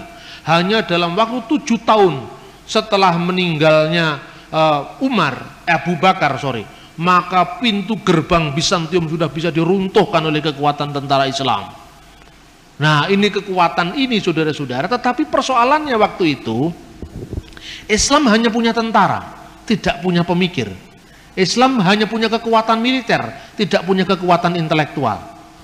Pada awal-awal pertama, banyak orang-orang Kristen yang disewa oleh tentara pemerintah Islam. Sebagai apa? Administrator, penerjemah, tabib, dokter istana. Nah, orang-orang ini, ini pintarnya pemimpin Islam sejak masa Harun Arasid. Bergerubak-gerubak manuskrip didatangkan dari India, Persia, Yunani. Isinya matematika, geometri, geografi, fisika, kimia, semua diterjemahkan dalam bahasa Arab.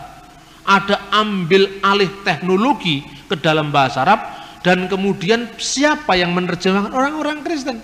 Sampai pada masa dinasti Abbasiyah zamannya Khalifah Al-Ma'mun penerjemah kekuatan itu ada di tangan orang-orang Kristen Syria Timur. Di Baghdad dibentuk yang namanya Baitul Hikmah. Ketuanya Hunain bin Isra seorang antuk gereja Syria Timur. Itulah yang menerjemahkan karya-karya sastra termasuk teologi. Saat itu yang namanya ahli sunnah wal jamaah belum muncul sampai dinasti Abbasiyah. Karena apa? Islam hanya punya kekuatan militer. Kalau dia mengatakan Allah itu memiliki sifat-sifat itulah yang harus kita imani.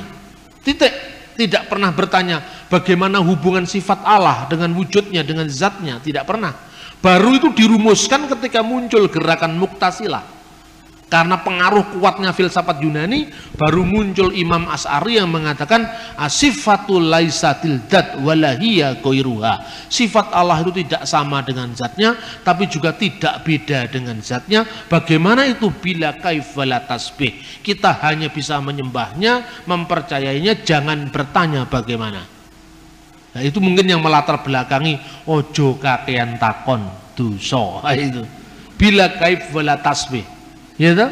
Kalau agama lain boleh dipertanyakan, kalau agama itu jangan, tidak boleh. Itu dalilnya sudah teks tertulis, dalil nakli, tidak boleh ditanya. Makanya banyak dunia muslim mereka pintar di bidang ilmu hukum, ilmu ekonomi kayak Dawam Raharjo, tapi begitu ngomong tentang kritis kritisisme agama-agama, mereka angkat tangan. Tidak, itu wilayah yang tidak boleh kami masuki. Kalau namanya wahyu ya sudah, kami tidak tanya lagi. Jadi mereka ini pinter matematika, pinter fisika, pinter ilmu sejarah, tapi begitu kitab suci dikupas, ah angkat tangan, jangan, ini tidak boleh. Khusus yang ini tidak boleh. Nah kalau saya bilang itu ya sudah, kalau tidak boleh ya tidak usah diskusi, kita tidur saja. Kan nggak fair Anda mengkritisi kitab saya, saya tidak boleh mengkritisi kitab Anda. Nanti kalau saya mengkritisi kitab Anda, kemudian Anda marah, saya disebut penodaan agama, kan lebih baik tidak usah. Gimana pandangan Anda? tentang Islam enggak saya enggak perlu komentar tentang Islam. Karena itu bahaya untuk saya. Sekalipun saya punya pandangan tersendiri tentang Islam saya enggak perlu meng mengekspos itu. Tapi kalau anda salah paham tentang iman saya saya jawab. Vulgar pun enggak apa-apa saya enggak nyinggung anda. Kan gitu kan? Dari yang ini kan aman sekali. Misalnya contohnya begini soal Isa saya hanya butuh waktu 10 menit lagi kita tanya jawab supaya tanya jawabnya lebih luas kalau kita lihat nama Isa itu sudah berbeda dengan nama standar di teks-teks Arab. Di dalam teks bahasa Arab kebanyakan dalam Injil bahasa Arab tidak dikenal kata Isa. Yang dikenal kata Yesua. Yesu Al-Masih, Yesus Kristus, bukan Isa Al-Masih. Dari mana ini kata Isa ini muncul? Ternyata itu dari Kristen Syria. Nah, Kristen Syria ini di dalam dalam penerjemahan teks-teks Arab dia tidak pernah menerjemahkan sampai hari ini menjadi Yesua dalam teks Arab ya tetapi Isa misalnya beberapa biara ditemukan dengan nama Isaniyah pengikut Isa itu tahun 571 sejaman dengan tahun kelahiran Muhammad Kata Isa itu ternyata ponetik koresponden, perubahan bunyi. Dan itu tidak salah. Contohnya gini. Saya sering ulang-ulang kata-kata ini. Orang Jawa tidak bisa ngomong huruf ain. Abu Bakar, Umar, Utsman, Ali. Tapi Ngabu Bakar, Umar, Ngusman, Ngali. Orang Sunda sulit untuk mengucapkan huruf F. Ya. Dia tidak bisa ngomong misalnya Arifin tapi Aripin. Orang Dayak juga begitu Aripin. Orang Batak sulit untuk mengatakan huruf K di tengah. Tegas. Maksud saya kan orang Batak nggak ngomong maksud saya. Maksud saya tidak begitu, maksud saya maksud bukan maksud. Ya kan? Tapi apa disalahkan? Itu kan pronunciation itu kan memang khas pembawaan dari masing-masing suku, masing-masing bahasa. Justru karena itu saya tahu kalau Anda orang Batak. Karena tidak bisa ngomong maksud tapi maksud. Kalau disuruh ngomong sebetulnya bisa. Tapi karena udah keenakan begitu. Orang Bali tidak bisa ngomong huruf D dan D. Makanya sulit masuk Islam kan nggak bisa ngomong dalika. Dalika kan orang Bali Uh, batuk nggak bisa mesti batuk jadi sakit batuk batukmu itu tidak ada bedanya bener kan Nah ini yang namanya ponetik koresponden. Orang bahasa serumpun pun begitu. Misalnya orang Arab menyebut dengan huruf uh, orang Yahudi menyebut dengan jod Yerusalem. Kok menjadi bahasa Urusalim? Tiba-tiba menjadi alif dan hamsah di atasnya. Kadang-kadang menjadi ain. Maka dalam konteks itu Yesua menjadi iso isa. Seperti o panjang. Kadang-kadang menjadi a panjang. Misalnya shalom. Itu shin. Shin bukan sin. Shin. Shalom. Shin. Lamet. Wau. Mim. Jadi o nya yang panjang bukan l nya yang panjang. Shalom menjadi o yang panjang tadi menjadi a panjang. Salam. Shinnya menjadi sin. Jadi bukan shalom tapi salam. Shalom alaikum. A-nya yang panjang. Maka seperti shalom menjadi salam iso menjadi isya seperti Yesaya menjadi Isaya, Yermia menjadi Irmia, Yerusalem menjadi Urusalim, Yordan menjadi Urdun, maka Yesua menjadi Isa. Ini ponetik koresponden. Tapi bukti manuskripnya tidak ada Injil yang pernah memakai kata Isa. Kenapa di sini kok pakai kata Isa? Karena Islam mendasarkan tradisi lisan, bukan tradisi tertulis. Ini bukti lagi bahwa zaman Muhammad Injil belum diterjemahkan dalam bahasa Arab. Kan begitu. Terus kemudian banyak teks-teks lain yang dipengaruhi bahasa Arab. Misalnya nama Yuhana menjadi Yahya. Itu Zahia dalam dialek Syria Barat Yuhana tapi ada beberapa dialek Syria Timur Palestinain Arab Aramaik itu adalah Yahya Yahya menjadi Yahya. Kemudian muncul lagi kata-kata uh, kalau Abraham menjadi Ibrahim itu umum sekali. Seperti misalnya kata Nimrod menjadi Namrud Ibrahim menjadi Ibrahim. Itu dalam gejala bahasa namanya uh, metatesis ya metatesis. Itu contohnya banyak. Nah kemudian dari konteks perjanjian lama banyak narasi-narasi dari Talmud yang kemudian masuk mewarnai teks Islam Al-Quran misalnya.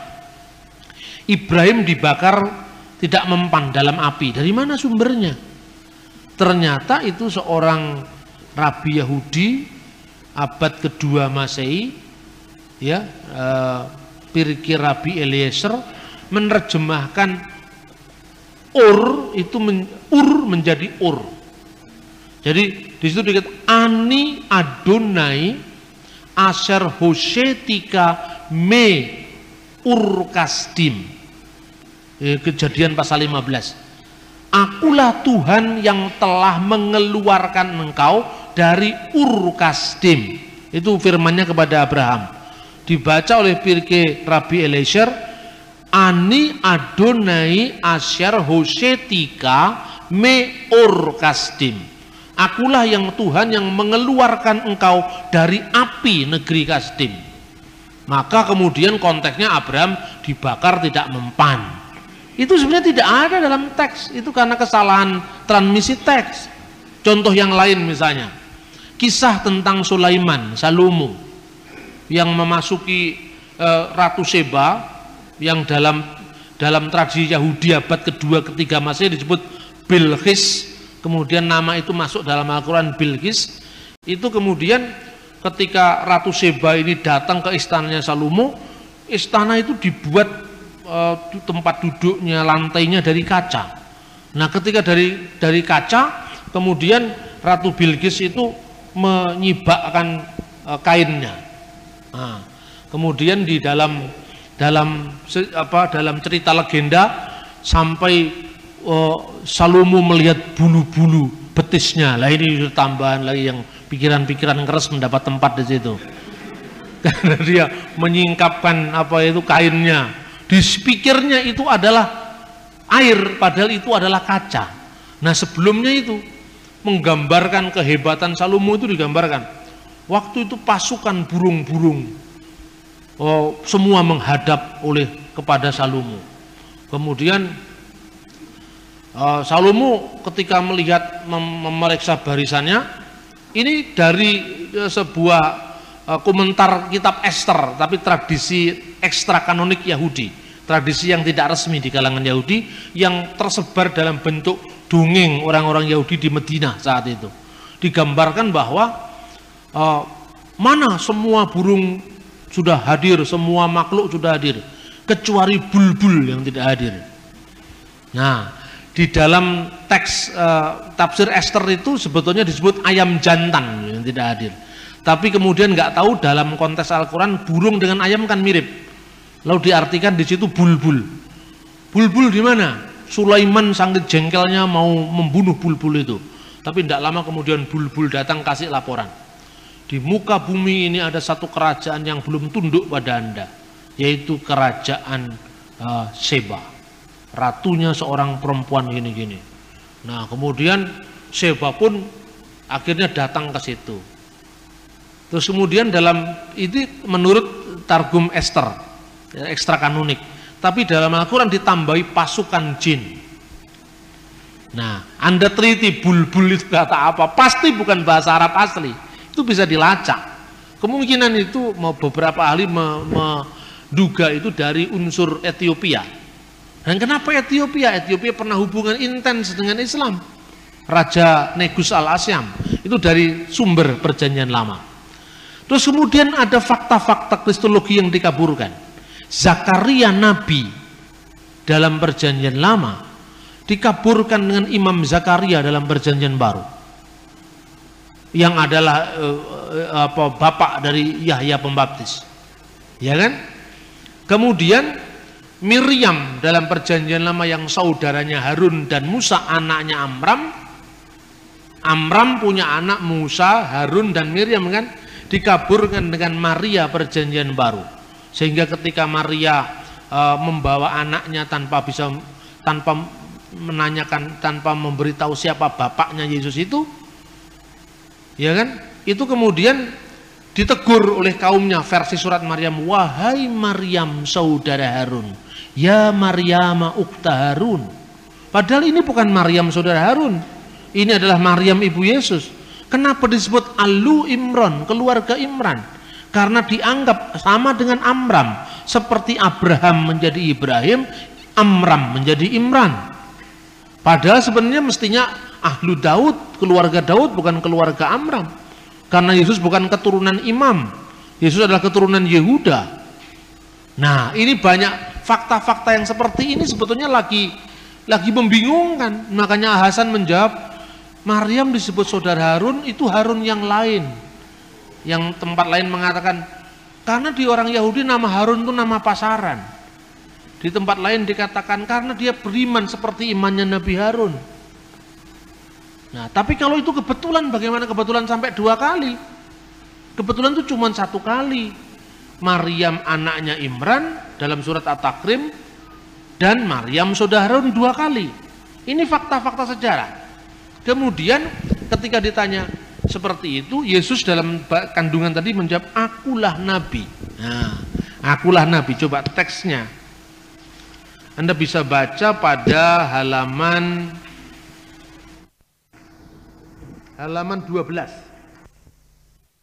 Diberikan kepadaku Alkitab dan dijadikannya aku seorang nabi dan dijadikannya seorang yang diberkati di mana aku berada dan diperintahkan aku untuk melaksanakan salat dan membayar zakat selama aku hidup. Di sini kata salat ditulis dengan bisolawat wa zakawat tetapi ini kalau dibaca dalam teks standar menurut vokalisasi yang diberikan tradisi Islam. Tapi di sini biasanya kata sholat dalam literatur hadis yang lebih mudah ditulis dengan shot lam alif tak marbutoh bukan wow tapi tak marbutoh kenapa di sini solawat bukan sholat pembacaan lain yang ditawarkan oleh orientalis bukan solawat bacaannya tetapi selota karena itu pengaruh bahasa Arab. Begitu juga eh, zakawat ini bacaan teks Islam. Jamak dari kata zakat. Kalau dalam tradisi yang lebih muda, za, kaf, alif, tak marbutah. Kenapa dibuat huruf waw di sini? Karena kemungkinan ini diambil dari bahasa Arab zekota. Zekota, wow zikota menjadi zakat, zakawat, kemudian silota menjadi sholat, sholawat. Ini pengaruh bahasa Arab. Nah, tapi itu tesisnya siapa ini namanya? Luxembourg yang heboh beberapa tahun yang lalu itu. Karena di situ ada kemungkinan besar misalnya bacaan hur itu artinya anggur perjamuan suci. Itu berasal dari surat-surat Mar Ifraim dari Syria.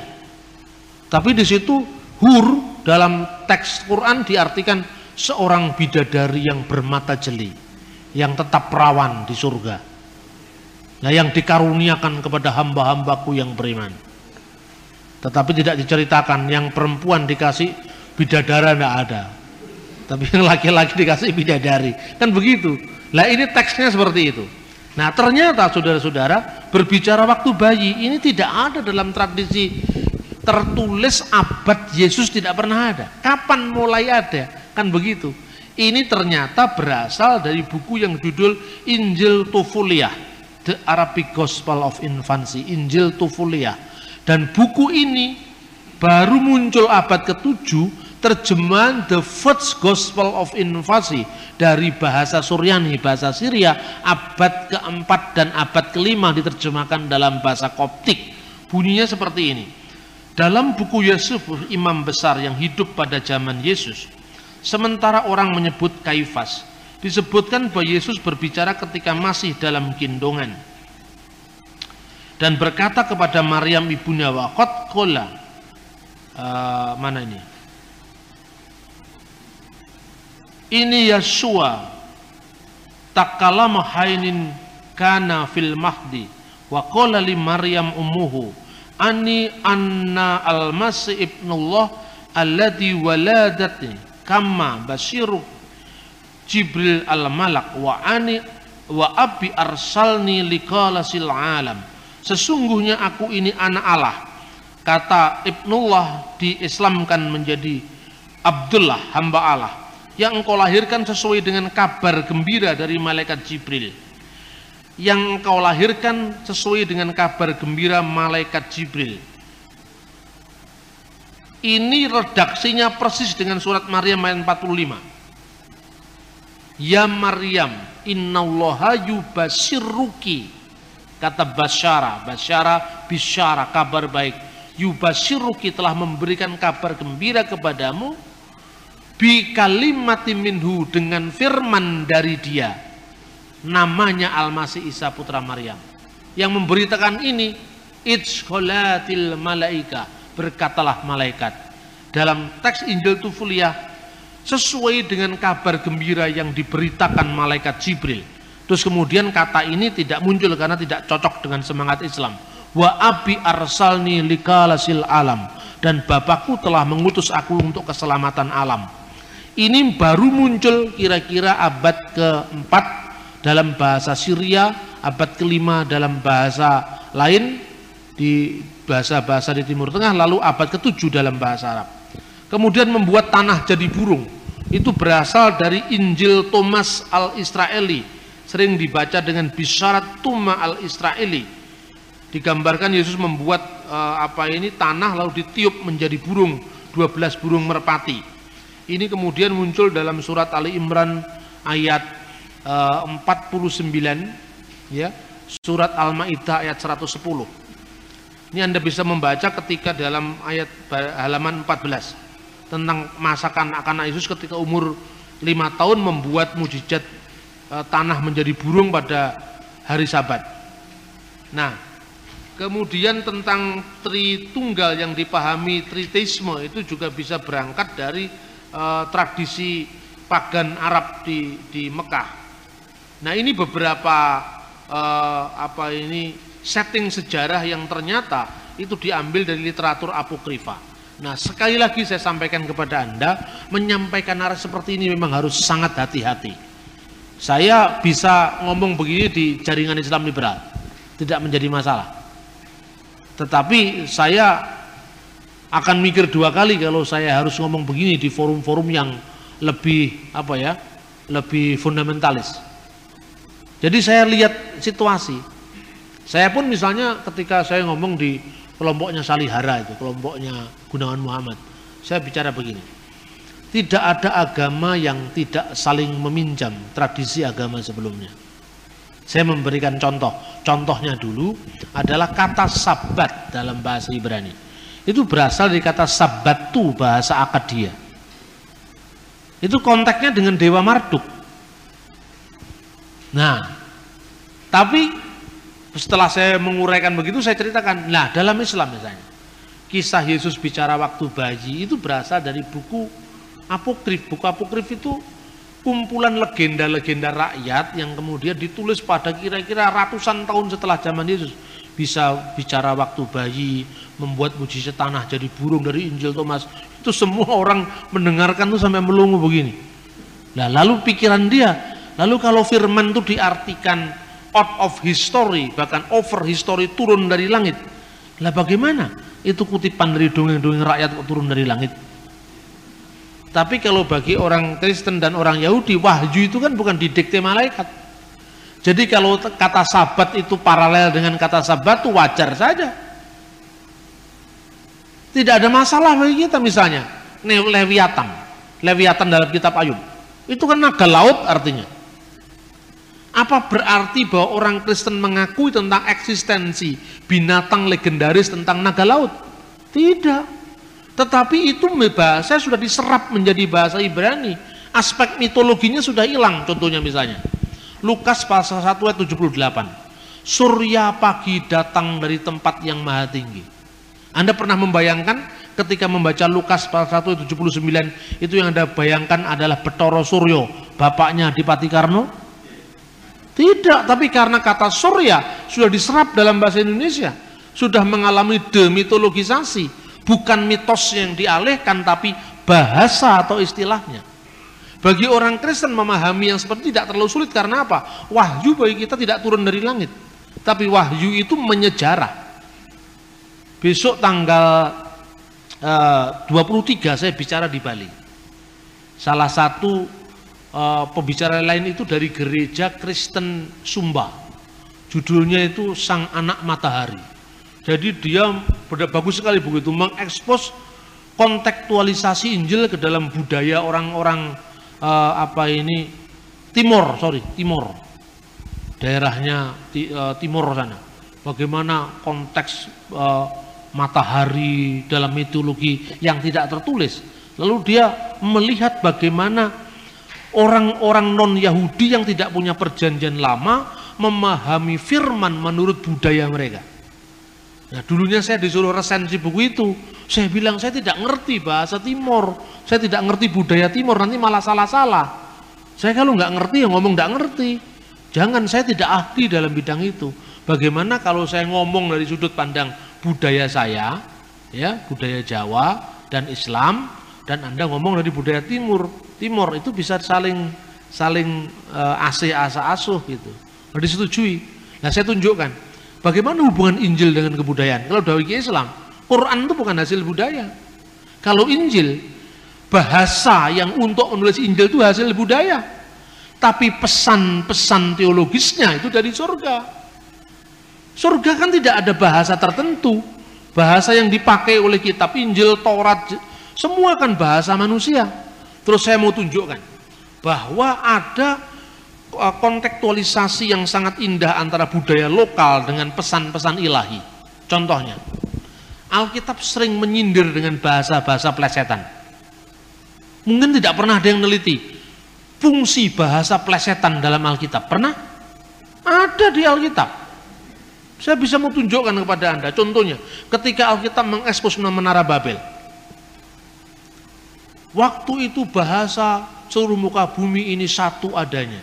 Nah, lalu mereka mau ingin mencapai Tuhan dengan mendirikan menara. Gitu? Untuk apa? Karena dengan menara itu dia akan lewat bab L. Itu kan sindiran terhadap agama pagan Babel dengan kekuatan sendiri mau mencapai yang namanya uh, pintu ilahi. Bab itu pintu, L itu ilah, pintu dewa.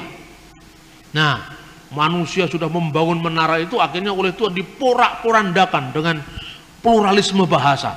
Akhirnya mereka kacau balau, bukan Babel yang didapat, tapi Balel yang didapat. Balel itu plesetan dari Babel, artinya kacau balau. Katanya Babel, nyatanya Balel. Katanya mau mencapai pintu ilahi, ternyata kekacauan. Itu kan sama dengan parian bahasa Jawa. Jari ini bulah kok ireng. Jari ini sekolah kok meteng. Hubungan antara eng-eng itu ada. L-L itu ada. Itu sebetulnya ada dalam budaya Alkitab. Ini kan menarik, ayo. Pernah kehabisan bahan untuk ngomong budaya? Tidak pernah. Karena Alkitab ini sangat kaya dengan itu. Saya lagi meneliti itu bahasa plesetan dalam Alkitab. Jadi itu ada konteks bahasa Ibrani begini, bahasa Aram. Aku meniup seruling tapi tidak menangis itu konteksnya bahasa Aram apa menarik sekali kalau diteliti. Dan ternyata Tuhan tuh memang humoris juga. Dia suka nyindir-nyindir, halo kau katanya dengan kekuatan kamu sendiri kamu bisa mencapai Babel, pintu Allah. Ternyata balel, kacau balau kau. Sama dengan orang Jawa nyanyi atau orang Batak nyanyi sama. Contohnya uh, apa itu lagu Wuyung itu. Witing klopo leganono wong kang nandang brongto. Legan dengan degan. Klopo mudo leganono wong kang nandang brongto witing pari dimen mari gon kuloro ati aduh nyowo. Itu mirip dengan kejadian pasal 10 itu plesetan legan degan witing pari. Witing pari itu apa? Damen dimen mari, damen dimen, babel, balel mirip. Jadi jangan terlalu serius kita memandang firman Tuhan seolah-olah Tuhan itu bawa pecut kalau anaknya salah dicambuk cetes itu enggak. Tuhan itu kadang-kadang humoris juga. Sempatkan waktu kalau Anda berkomunikasi dengan Yesus itu seperti sahabat. Kamu memanggil aku guru dan Tuhan. Nah ini contohnya, ada teman saya, dia tanya kepada saya, Pak, apa menghadap Tuhan itu begitu seriusnya? Kalau di GKJW, itu kalau setiap hari pekan-pekan tertentu itu semua pakai batik. Jadi kalau nggak pakai batik seolah-olah itu kurang menghormati Tuhan, ya kan? Orang Pentakosta selalu harus pakai dasi. Kalau nggak pakai dasi nggak menghormati Tuhan. Loh kalau kemudian orang Tengger pakai sarung apa nggak menghormati Tuhan? Ini kan pemaksaan budaya.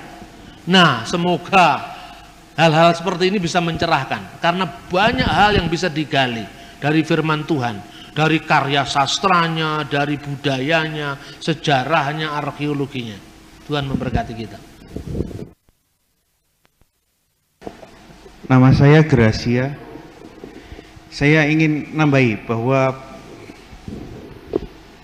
diskriminasi Kristen Islam di dalam kekuasaan Islam itu bibitnya malah mulai dari zamannya Khalifah Umar bin Khattab dalam bukunya Dr. Yusuf Al-Is judulnya Dinasti Uma, Umawah Umayyah dituliskan begini Umar pernah memberikan suatu perintah untuk suku-suku orang Arab yang beragama Kristen silahkan beragama Kristen tapi tidak boleh mengajarkan kekristenan di anaknya uh, apa namanya tapi dalam catatan ini Yusuf Al-Is mengatakan mungkin sikap diskriminasi ini hanya karena nasionalisme. Tapi kalau dari sudut pandang saya itu juga sudah mulai ada bibit-bibit diskriminasi. Nanti di zamannya mutawakil tambah lebih kejam orang Kristen di wilayah Arab rumahnya di, harus digambari setan atau dibikinkan patung setan untuk menunjukkan ini Kristen. Dimasuk pelecehan. Uh, kedua hub, apa namanya memang ada hubungan Kristen dimanfaatkan oleh pihak Islam itu karena kebutuhan. Bahkan sejarah mencatat Sultan Salahuddin yang mengalahkan menaklukkan apa Yerusalem di perang salib yang terakhir dokter pribadinya itu orang Yahudi. Kenapa waktu itu Yahudi menjadi dokter pribadinya Sultan Salahuddin yang menaklukkan Yerusalem? Karena Yahudi bukan saingan tapi begitu Yahudi menjadi saingan kasusnya berbeda. Saya cuma ingin nambahkan aja gitu.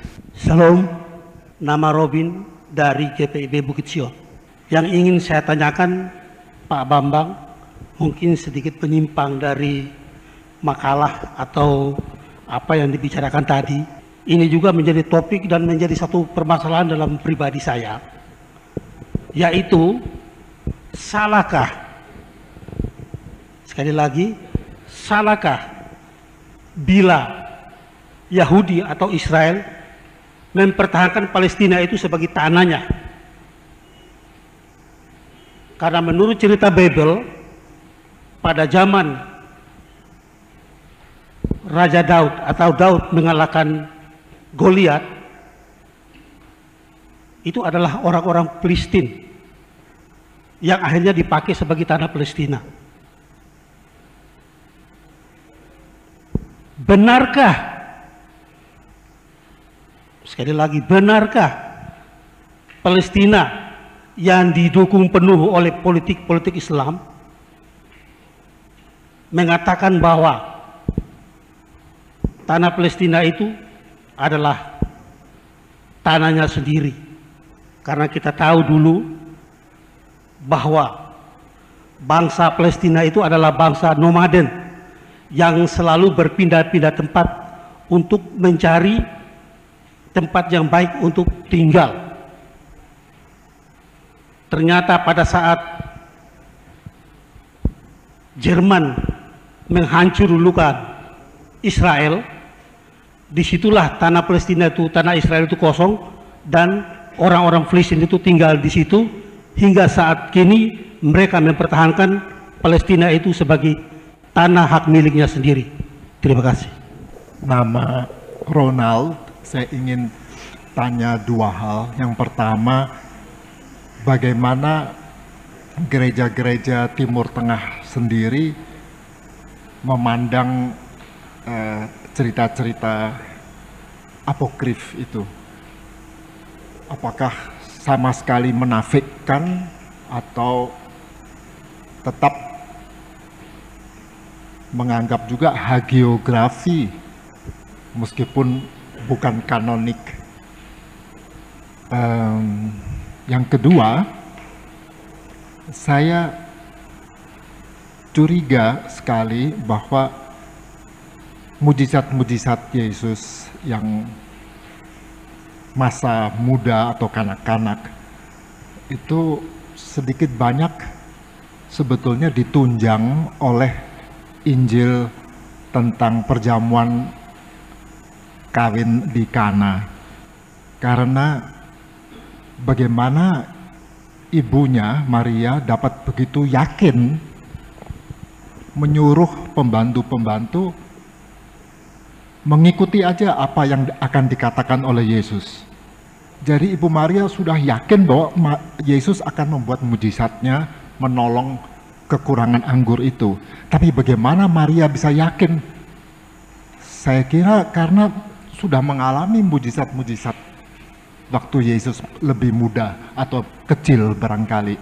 Jadi eh, mungkin sedikit banyak mujizat-mujizat Yesus yang muda, yang kecil itu betul ada dan mujizat Kana itulah mujizat yang di depan umum pertama kali. Yang lain itu hanya di rumah atau di di kalangan keluarga. Barangkali begitu, Pak. Saya curiga bahwa Yesus memang masa kecilnya juga membuat mujizat-mujizat. Karena kalau tidak bagaimana Maria bisa begitu yakin menyuruh pembantu-pembantu pesta untuk uh, ikut aja omongan Yesus mau disuruh apa ikut aja. Jadi seolah-olah sudah ada keyakinan karena sudah lebih dulu melihat mujizat-mujizat. Ya, sebelum saya jawab, saya minta uh, buku yang dibawa oleh Yusuf uh, Mawidah Cinta dari Palestina. Nah, terima kasih dari Gracia tentang apa itu awal diskriminasi. Sebetulnya benih-benih diskriminasi itu ya sudah ada sejak awal. Cuma begini, kalau itu penguasanya adil, maka itu tidak menjadi tidak terlegitimasi menjadi sistem. Tapi kalau penguasanya sudah tidak netral, yaitu akan terlegitimasi menjadi sistem. Jadi toleransi dalam dunia Islam itu tergantung personalitas pemimpin, bukan pada sistemnya. Satu contoh ya misalnya. Ada serangkaian teks yang sangat buruk dalam pengertian uh, mengalami multi tafsir atau multi interpretasi. Ini kemarin saya sampaikan di LBHI ketika ada pelatihan HAM itu. Saya katakan begini, dalam semua agama itu sebetulnya ada teks-teks yang bersifat toleran, tapi ada juga teks-teks yang bersifat eksklusif. Itu tidak hanya ada dalam Islam, dalam Kristen sendiri teks-teks eksklusif juga ada. Misalnya eh, ketika Yesus mengatakan, Akulah jalan dan kebenaran dan hidup. Tidak ada seorang pun yang sampai kepada Bapa kecuali melalui aku. Itu teks eksklusif. Seperti dalam Islam, inna dinna indalahil Islam, eh, agama di sisi Allah adalah Islam, itu teks eksklusif. Cuman masalahnya, teks-teks eksklusif begitu, kalau dipahami sebatas keyakinan tidak pernah jadi problem. Ini menjadi problem apabila itu dipaksakan jadi aturan publik, gitu loh. Tidak menjadi problem. Jadi sekarang ini banyak orang Kristen yang kemudian juga salah tafsir.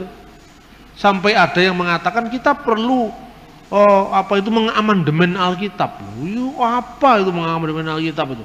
Artinya apa? Teks-teks yang eksklusif itu dibuang karena itu hambatan toleransi. Tidak pernah ada hambatan toleransi. Kalau itu dipaksakan ke ruang publik baru itu kan jadi masalah. Sama dengan begini. Apa perlu kita mengatakan? Kita menghilangkan Oh, klaim-klaim eksklusif dari setiap hak individu tidak mungkin pernah ada. Manusia itu bukan sekedar makhluk sosial tapi juga makhluk individual. Ada banyak yang over dosis dalam uh, mencari solusi tentang toleransi beragama. Satu contoh misalnya, kalau klaim saya mengatakan istri saya yang paling baik, paling cantik, eksklusif kan? Apakah itu salah? Apakah ruang pribadi, ruang privat seperti itu tidak boleh ada dalam hubungan kita dengan orang lain. Tetap harus ada. Anda mengatakan suamiku yang paling cakep di dunia tidak salah. Wong itu relatif. Tetapi kalau Anda keluar jalan kemudian mengatakan, "Hai, your attention please," pengumuman woro-woro. Sopo sing orang ngakoni bojoku sing paling ayu tak beleh gue lah itu baru salah. Ini kan dijadikan aturan. Kalau enggak, enggak masalah. Jadi di Kristen ada yang eksklusif, di Islam ada yang eksklusif. Tapi penyakitnya yang memaksakan teks-teks eksklusif ini menjadi aturan hukum. Ini saya bicara dari konteks penegakan HAM gitu loh. Nah, dan saya tidak ngomong ini tanpa bukti, semua jelas dengan bukti. Saya berikan contoh. Ke gereja itu pertama eh, bagaimana menempatkan teks-teks eksklusif begitu secara proporsional. Kalau di Kristen punya ayat tidak seorang pun yang sampai kepada Bapa kalau tidak melalui aku. Tapi diimbangi dengan ayat yang lain. Berikanlah kepada Allah yang wajib kamu berikan kepada Allah dan kepada kaisar yang wajib kamu berikan kepada kaisar. Ini ayat favoritnya Bung Karno. Yang mengilhami bagaimana bahwa agama harus kita kembalikan kepada singgah sana hati nuraninya rakyat. Agama tidak bisa dijadikan aturan negara. Clear, selesai. Sejak dulu yang namanya Tambunan Laimena mengakui Yohanes 14 ayat 6 tapi masih bisa bersama-sama berangkulan dengan Kiai Haji Maskur dengan tokoh-tokoh Islam yang lain. Jadi kenapa itu dipersoalkan sekarang? Nah menurut saya kadang-kadang solusi orang-orang barat yang kagetan karena pluralisme itu di barat kan memang baru abad terakhir ini. Sementara di timur pluralisme itu sudah makanan sehari-hari sehingga kita tidak perlu ikut-ikut kaget seperti orang barat. Nah, itu yang pertama. Dalam Islam sekarang, Inna dinahi indalil Islam. Boleh. Tetapi jangan dipaksakan jadi hukum negara. Nah, ketika the Universal Declaration of Human Rights pertama kali diucapkan atau dideklarasikan tahun 1948. Saya bertanya negara mana yang pertama menolak deklarasi HAM itu? Arab Saudi. Kenapa Arab Saudi? Dia keberatan dengan pasal 18 Pasal 18 deklarasi HAM itu mengatakan kebebasan beragama juga berarti kebebasan untuk uh, mengekspresikan keyakinan agamanya dan berpindah agama atau keyakinannya. Lah berpindah agama inilah change the religion or belief ini yang ditolak oleh pemerintah Islam. Kenapa? Ini deklarasi HAM bertentangan dengan hak-hak asasi Allah. Loh, hak-hak asasi Allah itu kan bagi yang percaya. Yang percaya ya bukan. Kan maksudnya itu, ini kan memaksakan keyakinan ke ruang publik. Nggak boleh dong. Jadi kemudian deklarasi HAM ini direaksi. Pertama dengan banyak bahasa basi lah. Kalau saya sering diundang ceramah oleh kesbang kesbang linmas hampir seluruh Jawa Timur.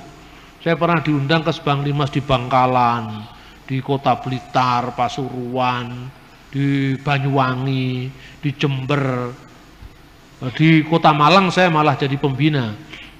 Sering tidak hadir tapi selalu dibayar saya. Karena saya yang ikut merumuskan itu, jadi ada ruang royaltinya untuk merumuskan itu.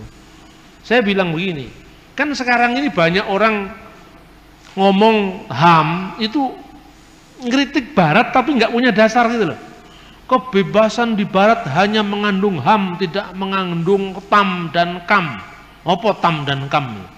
Hak asasi manusia harus diimbangi dengan kewajiban asasi manusia dan tanggung jawab asasi manusia.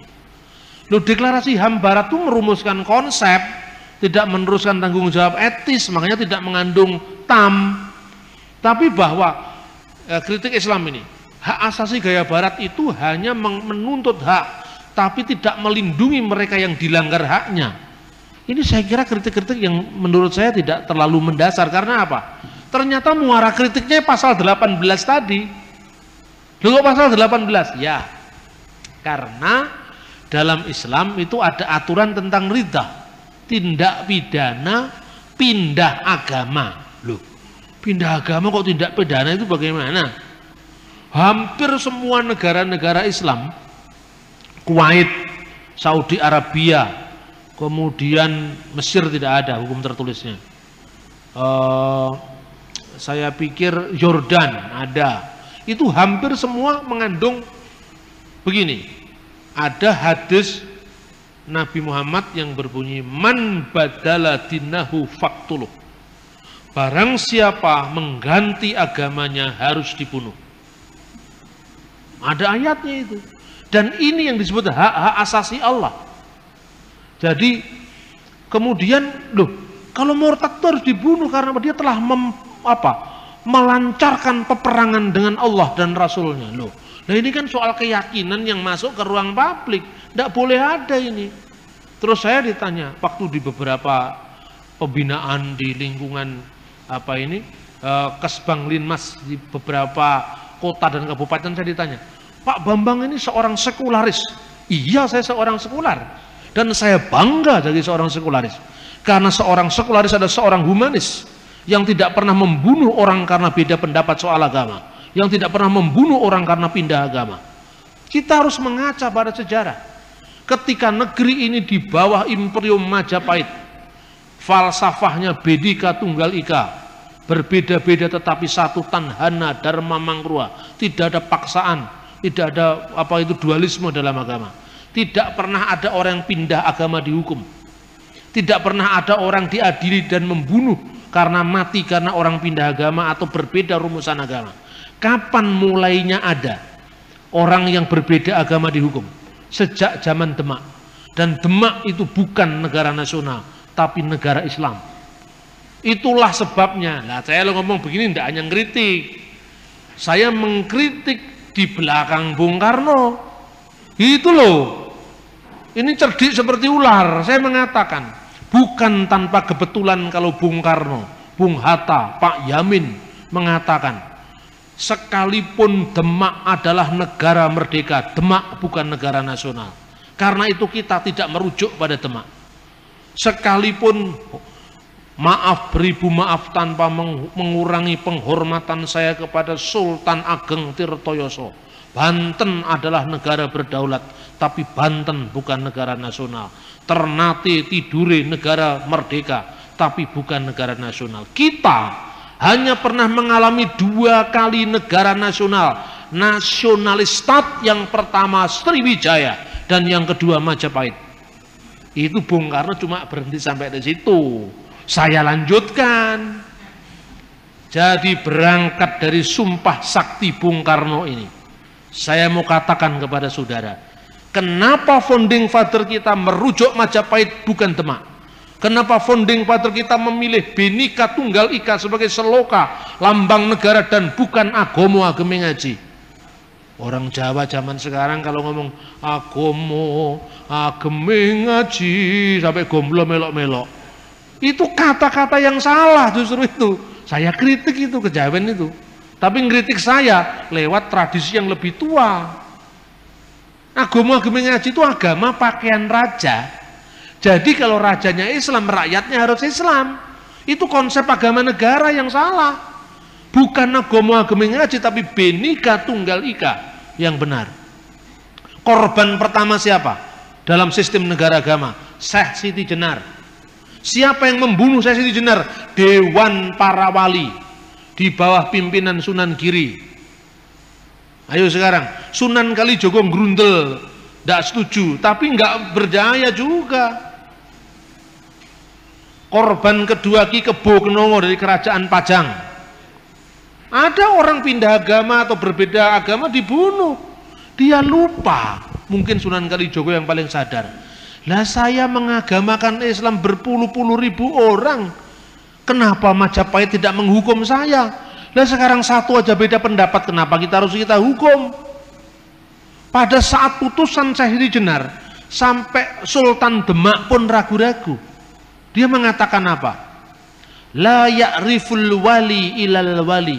Tidak ada yang bisa memahami pikiran wali kecuali wali itu sendiri.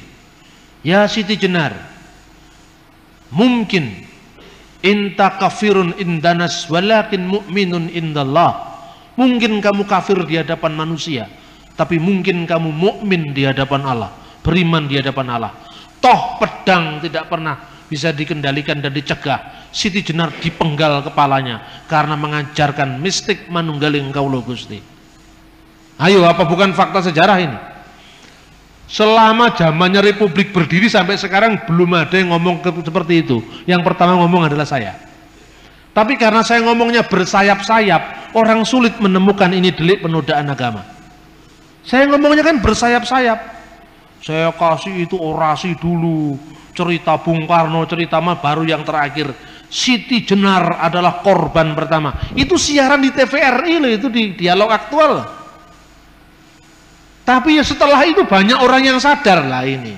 Orang yang sadar, iya ternyata Majapahit itu bukan kebetulan kalau dijadikan rujukan oleh founding father Padahal dengan saya mengungkap fakta ini, sebetulnya tradisi intoleransi itu saya patahkan habis.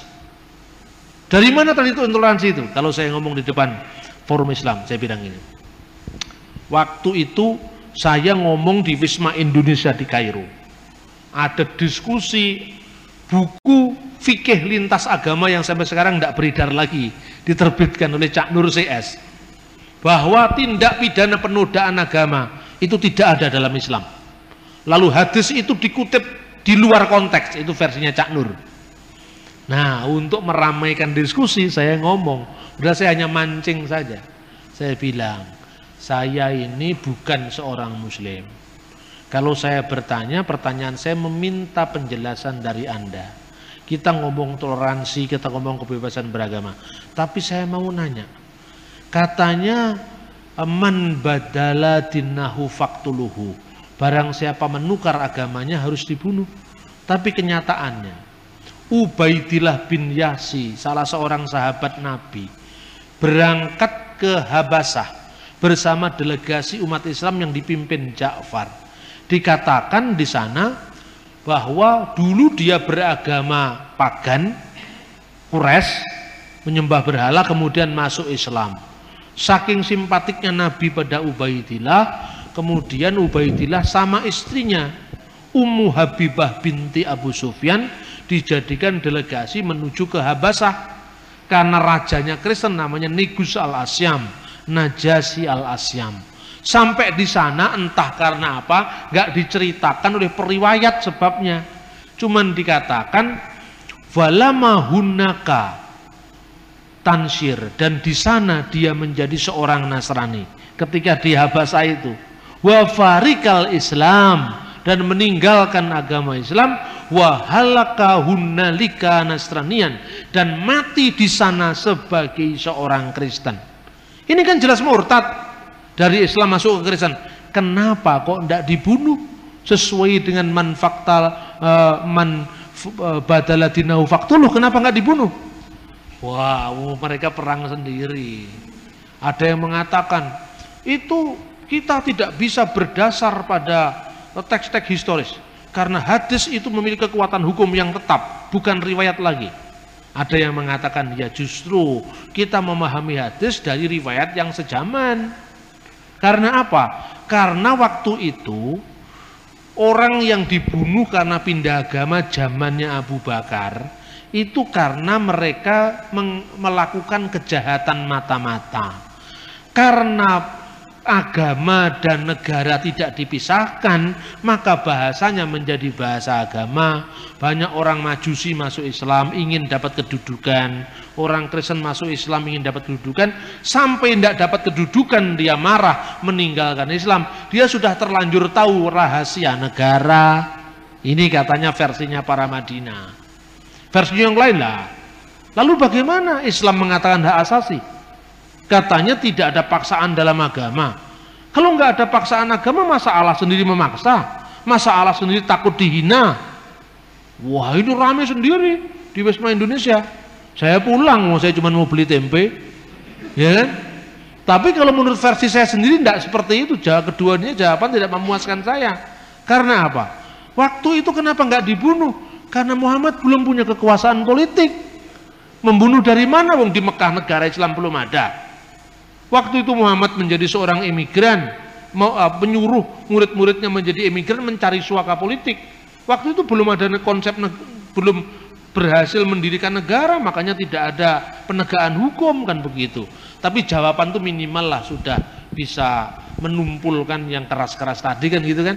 Nah, itu yang pertama. Yang kedua, Tradisi-tradisi semacam ini yang akarnya tidak dibedah, maka melahirkan intoleransi. Terus kemudian deklarasi HAM yang namanya DUHAM, deklarasi umum tentang hak asasi manusia itu direaksi oleh The Cairo Declaration of Human Rights. Baru periode tahun 2000-an ini, salah satu diktumnya itu mengatakan, Islam selain mengakui hak-hak asasi manusia, hukukul insan, juga mengakui hukukullah, hak-hak asasi Allah. Loh, Hak asasi Allah itu apa? Hak untuk seorang yang telah mendapatkan hidayah, tidak boleh keluar dari hidayah itu.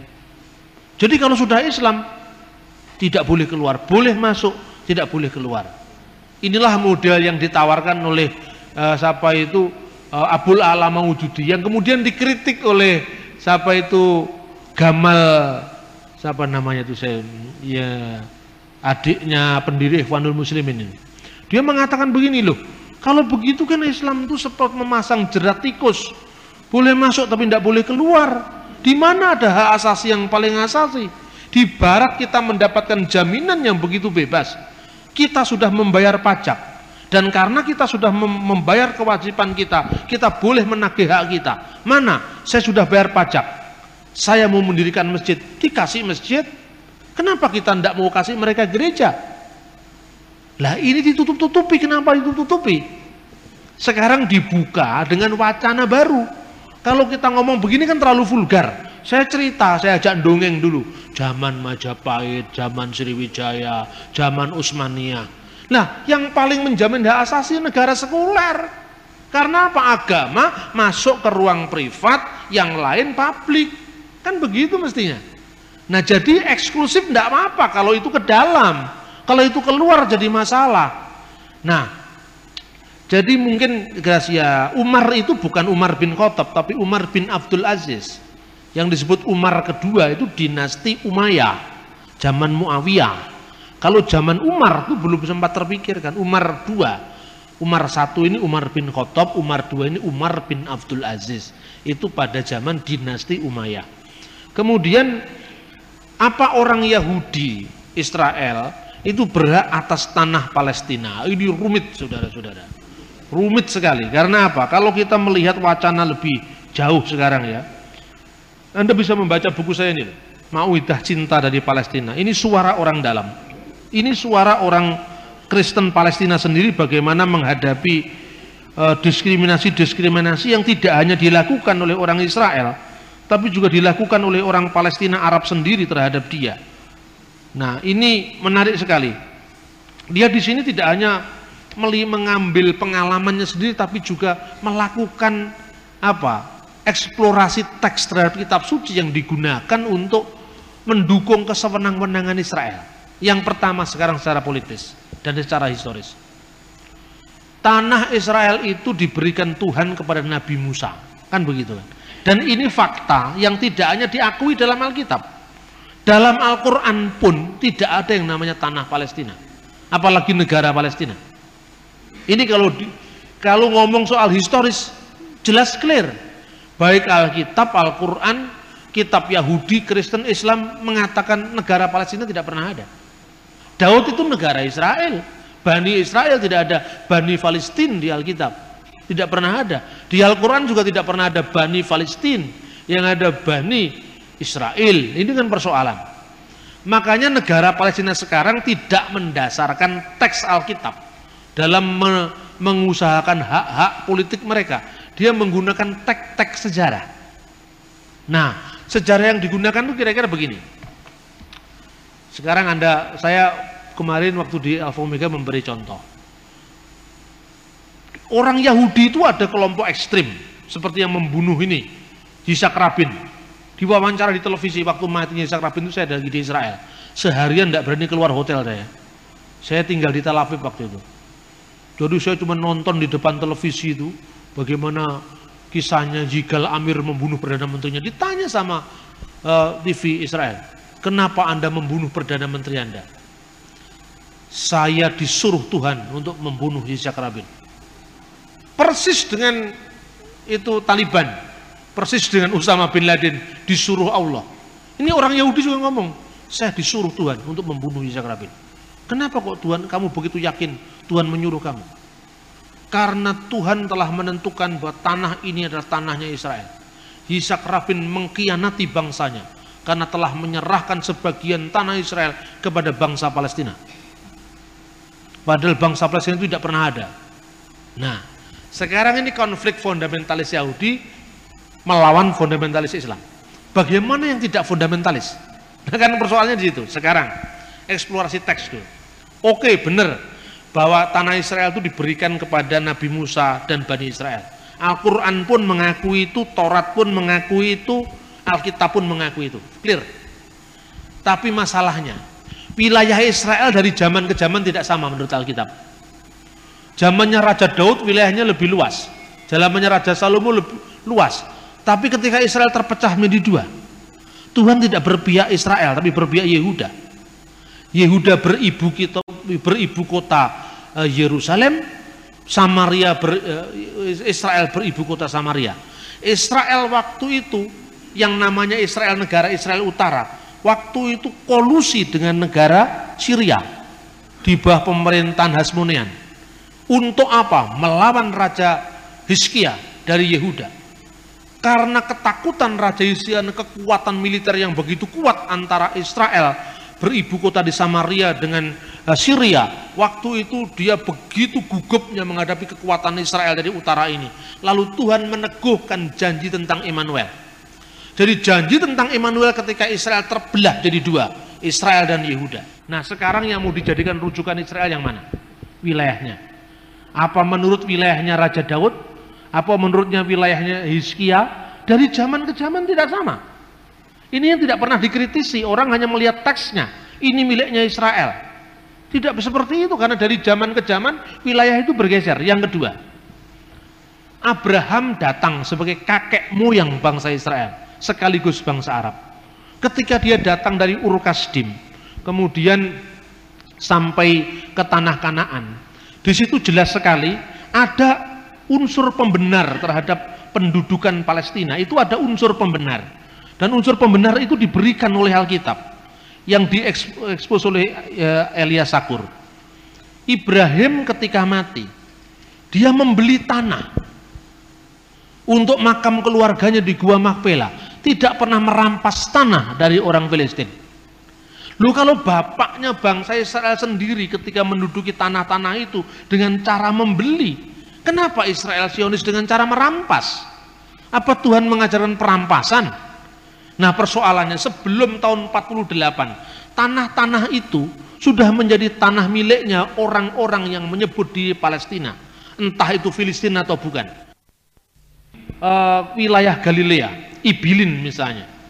Sebelum uh, Galilea Ilit, Galilea atas ada. Mereka orang-orang Arab Palestina ini di Ibilin hampir 100% Kristen. Setelah pendudukan Israel rata jadi tanah, jadi pemukiman Yahudi. Orang Kristennya tercebar-sebar ke mana-mana dan sekarang di Israel Kristenan tidak lebih dari 10, tidak lebih daripada 7 persen. Sekarang ini Padahal sebelum perang enam hari jumlahnya 35% orang Kristen. Apa orang Barat pernah berpikir seperti ini? Enak aja kita datang ke sana kita ngomong orang Kristen itu Kristennya Indonesia. Tapi bagaimana dengan orang-orang Kristen yang di Israel, yang di Palestina? Mereka tidak memiliki hak yang sama dengan orang Yahudi mereka. Kalau Anda berjuang dalam konteks memperhatikan saudara-saudara Kristenmu juga jangan dukung dong apa itu ke uh, sewenang-wenangan Israel. Ini kurang ajar sekali memang. Dalam konteks hak-hak ilahi itu tidak bisa disahkan dengan perampasan. Coba sekarang di uh, apa ini di, di, dilihat bagaimana janji Tuhan kepada Abraham. Itu sangat jelas sekali bahwa uh, waktunya tidak tidak cukup ya kalau saya uraikan semua. Nanti lain kali kita diskusi itu. Tapi yang jelas secara garis besar saya katakan gini pengesahan hak-hak itu harus dilihat tidak bisa memotong ayat di luar konteksnya. Pertama, Tuhan berkata kepada Ibrahim, pada Abraham, sekarang kamu belum bisa menguasai tempat itu. Tetapi empat generasi sampai keturunanmu keempat kamu akan bisa memasuki ke sana. Kenapa Tuhan mengatakan seperti itu? Bahkan Abraham sebagai prabayang bapak orang beriman tidak bisa menguasai tanah itu sampai generasi keempat. Generasi keempat itu kan zamannya Musa. Kenapa alasannya? Karena belum cukup alasan untuk mengalahkan orang Amori di sana. Nah orang-orang di situ setelah mengalami uh, tindakan sewenang-wenang, baru Tuhan mengizinkan Musa untuk membebaskan penduduk dari kesewenang-wenangan bangsa Amori, termasuk suku-suku Palestina. Itu satu. Jadi Tuhan selalu membenarkan pendudukan atas tempat eh, wilayah tertentu dengan alasan moral, bukan dengan atas nama nubuat Israel boleh mengusir Palestina. Bagaimana itu? Ibrahim sendiri membeli tanah, sebidang tanah di Gua Makpela untuk kuburannya sendiri dengan keluarganya. Masa Sionis ngerampasi tanah tanahnya orang Palestina? Elias Sakur memegang sertifikat tanah sudah bergenerasi-generasi hanya karena muncul orang Yahudi yang datang disambut dengan menyembelih kambing yang paling gemuk untuk dia yang akhirnya merampas kebun anggurnya jadi janganlah kita menyembah teks kitab suci lepas dari konteks tapi kita harus lihat deskripsi sejarahnya saya selalu bertanya coba Israel Raya itu wilayahnya mana menurut kitab ini lah itu kan kitab sebelum Israel terpecah jadi dua setelah Israel terpecah jadi dua Tuhan pernah melawan Israel dengan membela Yehuda, membuat nubuat tentang Emmanuel karena kesewenang-wenangan Israel. Bangsa Mesir terkutuk, Pak. Ada juga Mesir diberkati. Ada teksnya, dari Mesir ku panggil anakku. Mesir adalah umatku. Kenapa satu teks dimutlakkan, teks yang lain ditolak? Nah ini kalau kita membaca kitab suci lepas dari teks. Tetapi harus jujur dikatakan juga bahwa klaim-klaiman secara historis itu tidak secara politik itu tidak secara agama itu tidak menguntungkan yang lebih lucu lagi ketika orang Islam menguasai eh, teks-teks uh, uh, Al-Quran dengan tidak bisa menyangkal bahwa memang dalam Al-Quran tanah itu diberitakan kepada Bani Israel tidak pernah ada Bani Palestina tetapi kelompok fundamental Islam menjawab memang betul Al-Quran mengatakan itu untuk Israel untuk Bani Israel tetapi sejak Bani Israel menolak Isa Al-Masih dan menolak Muhammad, sejak saat itu janji Allah batal. Yang membatalkan janji Allah siapa? Gara-gara Israel menolak Yesus dan menolak Muhammad. Kemudian janji itu batal, tidak ada pembatalan janji, itu tetap miliknya Israel. Yang lebih masuk akal Elias Sakur. Betul saya mengakui hak Israel atas tanah ini. Tetapi siapa yang menjadi negara warga negara Israel yang dipilih oleh Tuhan? Aku akan mencangkokkan bangsa itu dengan penduduk yang lebih lama sudah ada di tempat itu juga. Berarti firman Tuhan mengatakan bahwa Tuhan mencangkokkan bangsa ini dengan bangsa-bangsa lain. Artinya apa? Israel itu milik bersama. Bukan hanya miliknya satu bangsa Yahudi saja, satu ras Yahudi saja. Ini yang paling masuk akal. Siapa yang berhak mencabut kebun anggur Tuhan? Tidak ada yang bisa mencabut itu. Tetapi Tuhan juga memberi janji bahwa bangsa Israel akan hidup dengan bangsa-bangsa lain secara berdampingan. Dan di mana negara di dunia ini yang eksklusif? Ini hanya tanah air orang Jawa, tidak pernah ada. Ini hanya tanah air orang Belanda, tidak pernah ada. Kalau itu mereka semua berkeinginan damai untuk membentuk sebuah pemerintahan bersama, apa salahnya? Nah, karena itu solusi secara agama tidak mungkin dilakukan. Vatikan memberi solusi begini. Negara dalam koeksistensi damai Israel dan Palestina. Itu Vatikan. Dengan salah satu solusi, Yerusalem Timur tidak boleh dijadikan ibu negara Israel, ibu kota negara Israel, tidak boleh menjadi ibu kota negara Palestina. Selama Palestina menuntut Yerusalem Timur menjadi ibu kotanya, tidak pernah ada damai. Karena apa? Yang di Yerusalem Timur itu tidak hanya ada Masjid Al-Aqsa, tidak hanya ada Masjid Umar, tapi ada Bait Suci Salomo. Tetapi ada gereja kebangkitan Yesus.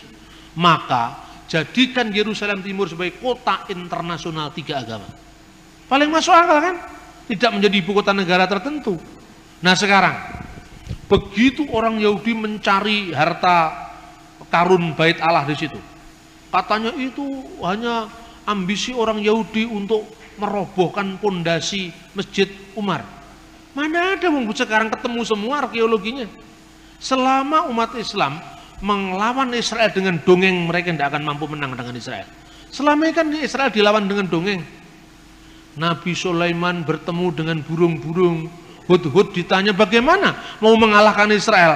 Setiap kali penguasaan tanah itu mencari bukti arkeologi dan tertanya diukur batu-batu zaman Salomo ketemu di situ yang bobotnya sampai berapa ribu ton itu ada di situ ketemu sekarang dan sekarang yang namanya the temple tunnel itu sudah dibuka untuk umum apa itu terowongan bait Allah itu dibuka untuk umum dan ketemu semua. Nah, sekarang persoalannya, Salomo Sulaiman. Itu nabinya Islam juga, ayo sekarang. Bukti sejarah itu adalah rumah Allah, bait suci Salomo. Salomo itu Nabi Sulaiman, nabinya Islam juga. Selama ini Umar itu hanya sahabat Nabi, bukan Nabi. Apakah posisi Masjid Umar yang didirikan oleh sahabat Nabi mengalahkan posisi bait Allah yang didirikan oleh dua Nabi yang sekaligus diakui umat Islam, yaitu Daud dan Sulaiman? Enggak mungkin dong. Orang kecil paling masuk akal, udahlah tidak usah bertengkar soal itu. Robohkanlah bait Allah dalam waktu tiga hari aku akan membangunnya kembali. Jadi kalau ada orang Kristen ikut eker-ekeran soal tembok ratapan, bagaimana dia membaca teks Injil? Injil tidak pernah kita bertengkar tentang tembok ratapan. Injil mengatakan bahwa itu memang harus terjadi. Kamu perhatikan satu batu pun tidak terletak di atas batu yang lain. Semua akan diratakan jadi tanah. Justru situasi ini membenarkan apa yang dikatakan kitab Injil. Jadi orang saya tidak usah ikut eker-ekeran tentang Palestina. Kita hanya ikut kalau hak-hak asasi manusia dinodai, kebebasan beragama dinodai, kita harus membela yang lemah, apa pun agamanya apa pun suku bangsanya, apa pun negaranya. Jadi jangan membabi buta melok-melok Israel, tapi juga jangan membabi buta ikut mengutuk Israel dan ikut Hamas. Keduanya sama-sama buruk. Kan begitu kan? Kalau mau dihitung-hitung, dua-duanya juga nggak percaya, sama saja. Itu satu. Kemudian negara Palestina tidak pernah ada dalam peta dunia. Harus dikatakan jujur, tidak pernah ada pernah disebut Alia Capitolina zamannya pemerintah uh, Romawi abad kedua Masehi. Lalu buru-buru saja yang menyebut kata Palestina itu pemerintah Inggris. Tidak pernah ada negara Palestina sebelumnya negara Palestina itu Utsmani. Sebelum Utsmani itu dikuasaan apa lagi? Setelah Utsmani Yordan tidak pernah ada negara yang namanya negara Palestina. Iya kan?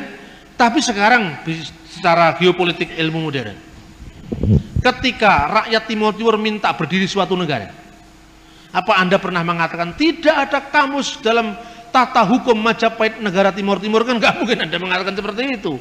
Ayo, Anda mau mengatakan mereka menuntut merdeka karena mereka ditindas zaman Orde Baru. Mereka anak-anak mereka diperkosa oleh tentara-tentara kita sekalipun tidak diekspos. Banyak mereka dibunuh seperti itu.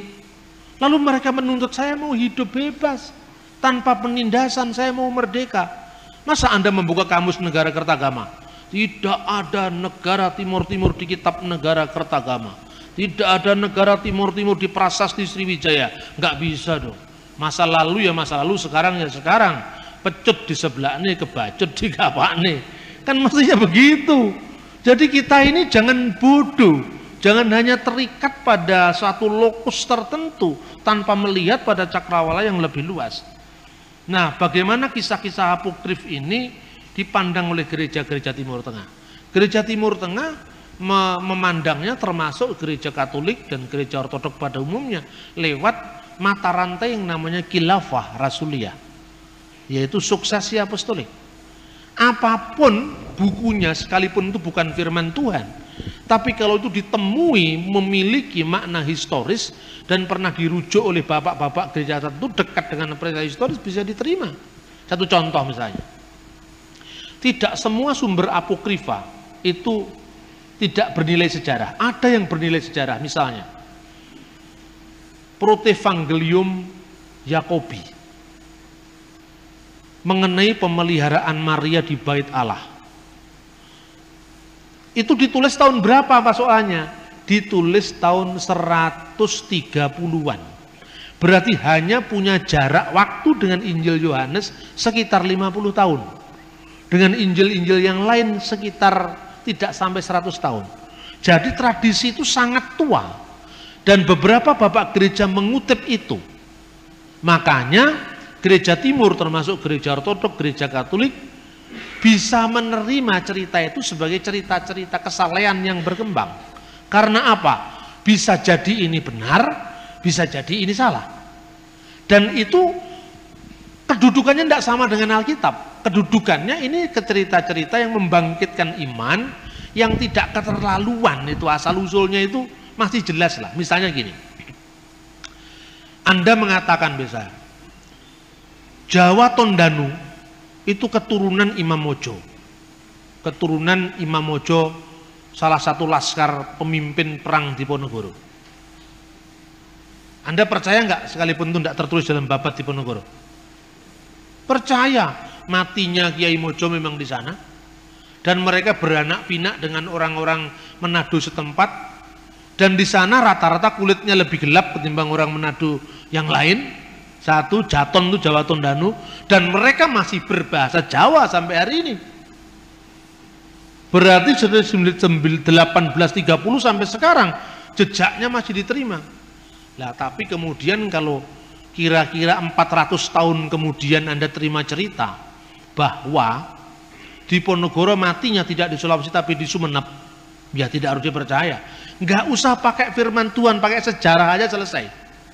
Kisah-kisah tentang kesalehan orang-orang suci tentang Maria keperawanan Maria itu nggak bisa ditolak karena sumbernya lebih kuno tetapi cerita Yesus bicara waktu bu, bayi itu bisa benar bisa salah tapi banyak salahnya karena itu abad keempat Cerita membuat tanah jadi burung itu abad kelima. Jadi 500 tahun setelah peristiwa ukurannya hanya itu. Jangan ngomong soal firman. Firman itu kan urusan kepercayaan. Ini urusan historis. Seperti ini sekarang ini. Anda bisa membandingkan kisah ini antara Anda membaca kitab Negara Kertagama dengan Anda nonton ketoprak. Lakonnya Damar Wulan Minak Jinggo. Nah, Secara historis apakah Damarulan Minak Jinggo salah semua? Ada benernya.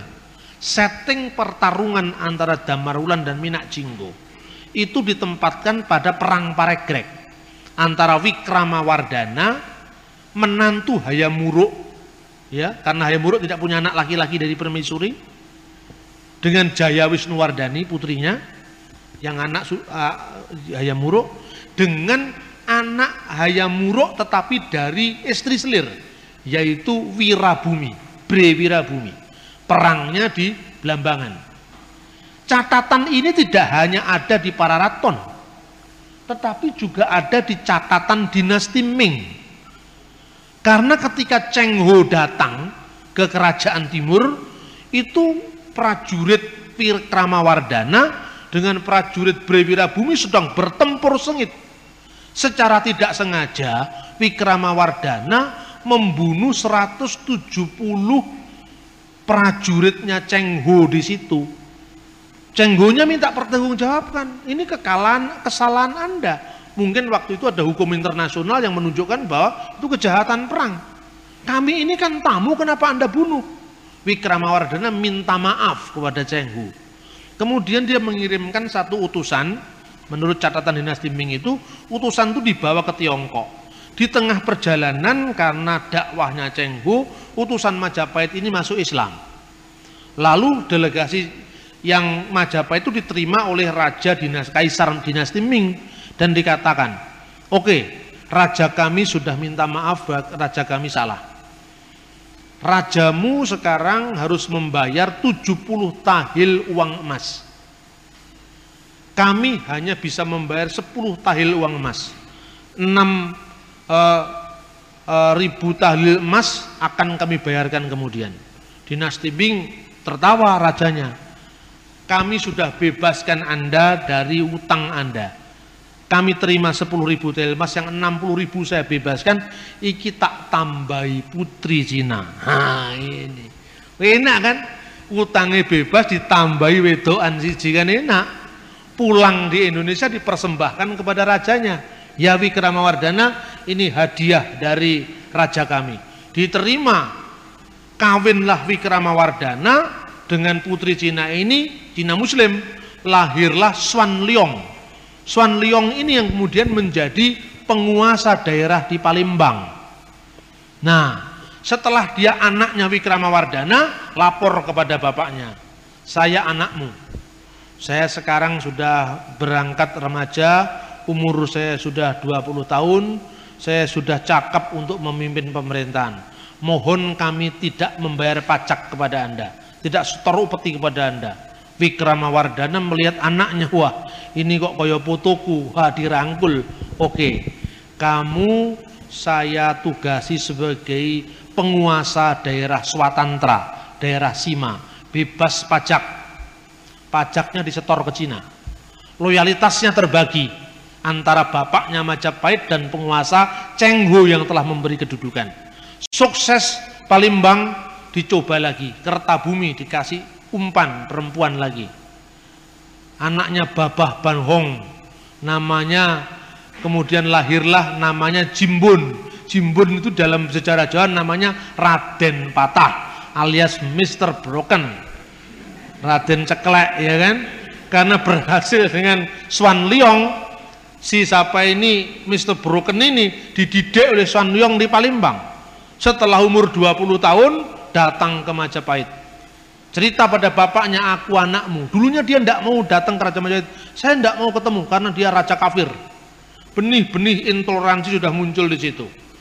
Tetapi bapaknya melihat anaknya lah ini memang mereka menggunakan emosi yang digunakan. Penaklukan itu cerdiknya Cenghu jadi saya setuju dengan yang namanya apa ini Cenghu itu seperti dikatakan Remi Siladu. Itu bukan kunjungan muhibah Kunjungan Muhibah kok membawa puluhan ribu tentara untuk apa? Jadi ceritanya Yusril dengan Saifullah Yusuf itu tidak benar itu. Banyak yang tidak tepat itu kan yang baik-baik diceritakan, yang jelek-jelek nggak diceritakan. Masa kunjungan Muhibah membawa kapal perang segitu besar ribuan tentara untuk apa kalau bukan untuk ekspedisi politik? Bukan ekspedisi Muhibah, bukan ekspedisi dagang, ini politik. Setelah daerah-daerah ini menaklukkan kepada Majapahit, nah memisahkan diri satu, satu, satu karena sentimen agama. Kita mau negara seperti ini, saya katakan, Anda tidak perlu setuju dengan saya, tapi berkaca pada sejarah. Kalau era otonomi daerah tidak dikontrol oleh falsafah Bhinneka Tunggal Ika, agama tidak pernah mempersatukan Indonesia. Saya tambahi agama apa pun juga, termasuk Kristen, tidak bisa mempersatukan Indonesia. Kalau sudah bicara iman, itu ego, tidak mungkin bicara kebersamaan. Karena itu kita warga negara dua kerajaan. Loyallah kepada Tuhan, tapi masuk ke ranah privat. Loyal kepada negara, ranah publik. Karena Tuhan pun menugasi kita menjadi dua warga negara kerajaan. Ini setting sejarahnya. Begitu jadi cerita-cerita ketoprak, apa yang terjadi? Damar Wulan perang dengan Minak Jinggo karena rebutan putri Kencono Wungu rebutan wedo anda Damar Wulan sudah menjadi Raja Majapahit ketika perang dengan Wikramawardana. Nah, kemudian Mertowijoyo itu sebetulnya uh, salah satu uh, apa pengkaburan dari nama Raja Majapahit juga, Wikrama uh, Singa Wikramawardana. Nah, dan seterusnya. Jadi kalau kita lihat cerita Damar Wulan ini kan cerita berabad-abad, ratusan tahun otomatis ketika dicek and recheck dengan sumber primer ya kacau balau. Begitu juga misalnya mertua Nabi Musa namanya Su'eb. Ini seperti damar wulan ini. Masa ada orang suku Keni di gunung sini namanya Su'eb? Enggak masuk akal. Su'eb itu kan yang jualan tahua itu Su'eb namanya itu. Loh ini historisitas ini. Makanya sebetulnya kalau agama diukur secara historis saya yakin Alkitab ini lolos. Karena dari sudut pandang etimologi, sejarah ternyata clear. Asal tidak hantam-hantaman soal wahyu loh. Wahyu itu kan bagi yang percaya. Yang nggak percaya bukan. Nah itu apakah mungkin itu mengilhami peristiwa karena itu mengilhami mujizat masa kecil Yesus? Saya kira kemungkinan terbesar itu konsili Efesus. Konsili Efesus itu kan mengatakan bahwa menghadapi Nestorian. Nestorian kan mengatakan Yesus itu diadopsi jadi putra Tuhan ketika dia menerima Roh Kudus pada saat peristiwa pembaptisan itu. Jadi sebelum umur itu Yesus itu ya biasa saja. Nah, kemudian cerita-cerita rakyat itu mau menjawab dalam versi legenda. Kalau versi teologinya begini, Kristus itu firman yang menjadi manusia. Sejak dia lahir, dilahirkan oleh Bunda Maria, sampai kemudian masa kanak-kanak, kemudian masa remaja, bertambah-tambah hikmatnya semakin dicintai oleh Allah dan manusia, tapi nggak diceritakan bagaimana hikmatnya itu diceritakan ya kan. Kemudian dia tetap seumur hidupnya itu adalah firman yang menjadi manusia, bukan hanya pada saat dia dibaptis. Karena itu dalam versi legenda Loh kalau gitu hik, bertambah-tambah hikmatnya. Di mana hikmatnya? Muncul cerita dalam Injil Tufulia. Suatu saat Yesus umur 8, 12 tahun membuat heboh di bait Allah. Tapi hebohnya bagaimana nggak diceritakan? Di situ ditambah-tambahi cerita. Diceritakan waktu saat Yesus menunjuk huruf alef. Apa artinya alef? Bet apa artinya dem? Marah. Nah ternyata Yesus bikin mujizat. Terus kemudian dia sejak kecil sudah firman Allah loh. Kalau firman Allah kan berarti bisa mencipta. Dibuat tiup tanah jadi burung. Jadi sejak kecil pun dia sudah firman yang menjadi daging gitu. Jadi itu versi dongeng dari ajaran teologis untuk menghadapi konsili Efesus. Sebelum konsili Efesus cerita seperti itu tidak pernah muncul. Ini yang paling masuk akal. Jadi alasannya langsung bersinambung. Nah saya kira itu saudara-saudara Uh, sudah malam waktunya karena kita memang mulai baru jam 8 kurang. Semoga apa yang kita diskusikan ini paling tidak menambah wawasan kita untuk kita bisa uh, hidup bersama di tengah masyarakat majemuk tanpa kehilangan identitas dan jati diri kita. Bagi saudara-saudara yang mau hadir pada pres, pada peresmian pemuritan angkatan pertama di Malang, silahkan mendaftar supaya saya bisa untuk me, apa, mendata jumlahnya. Karena daya tampung dari balai pertemuannya cuma sekitar 200 orang. Itu pun akan hadir dari dari Aceh sampai Papua delegasinya. Ada 12 orang. Tahun depan itu ada mahasiswa khusus yang datang dari Thailand. Jadi kita sudah mulai apa ya mulai lakukan sekarang Memang angkatan pertama ini terus terang secara fasilitas belum lengkap. Karena sampai sekarang ini saya bingung. Karena satu rumah itu hanya ada tiga kamar. Satu kamar itu terlalu kecil, itu kamar pembantu. Cuma ada dua kamar, ukuran tiga kali empat. Sementara setiap angkatan 12 orang, 10 sampai 12 orang. Tidur di mana kan maksudnya gitu kan. Nah akhirnya saya bikin akal, itu ada gazebo masuk kamar sekarang saya bikin kamar tidur tingkat itu besarnya kayunya seukuran kusen-kusen begini. Jadi 6 kali 12 ukuran kayunya itu. Jadi seperti panggung gitu. Di bawah empat orang di atas empat orang. Dijamin tidak akan uh, jatuh karena kayunya seukuran besar-besar. Itu yang menjadi galernya itu apa namanya itu?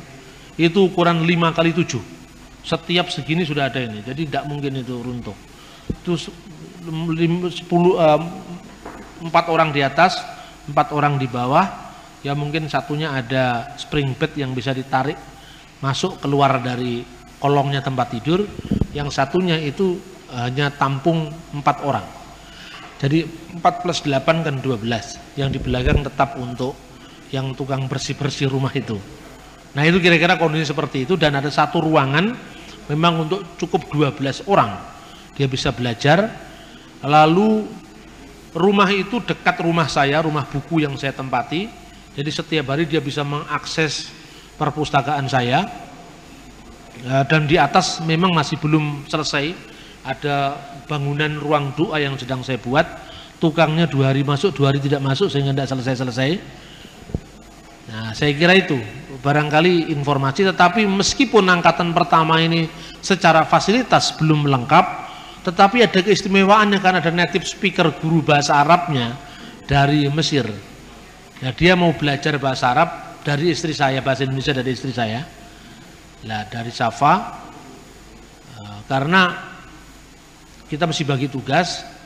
Nah, dia juga akan mengajar bahasa Arab pada angkatan pertama ini. Kan menarik ini. Siapa yang mau ikut meskipun tidak tidak uh, setiap hari mungkin insidental bisa datang pergi. Tetapi minta dan mohon supaya ada rekomendasi dari gereja pengutus. Sebab kalau tidak ini rawan penyusupan. Yang begini rawan penyusupan. Jadi saya mesti tahu identitas yang masuk dan kalau Anda memang mau berminat silakan mendaftar dulu. Supaya kalau Anda sudah mendaftar, confirm mau hadir saya tidak sampaikan kepada orang lain. Saya kira itu yang bisa sampaikan. Terima kasih.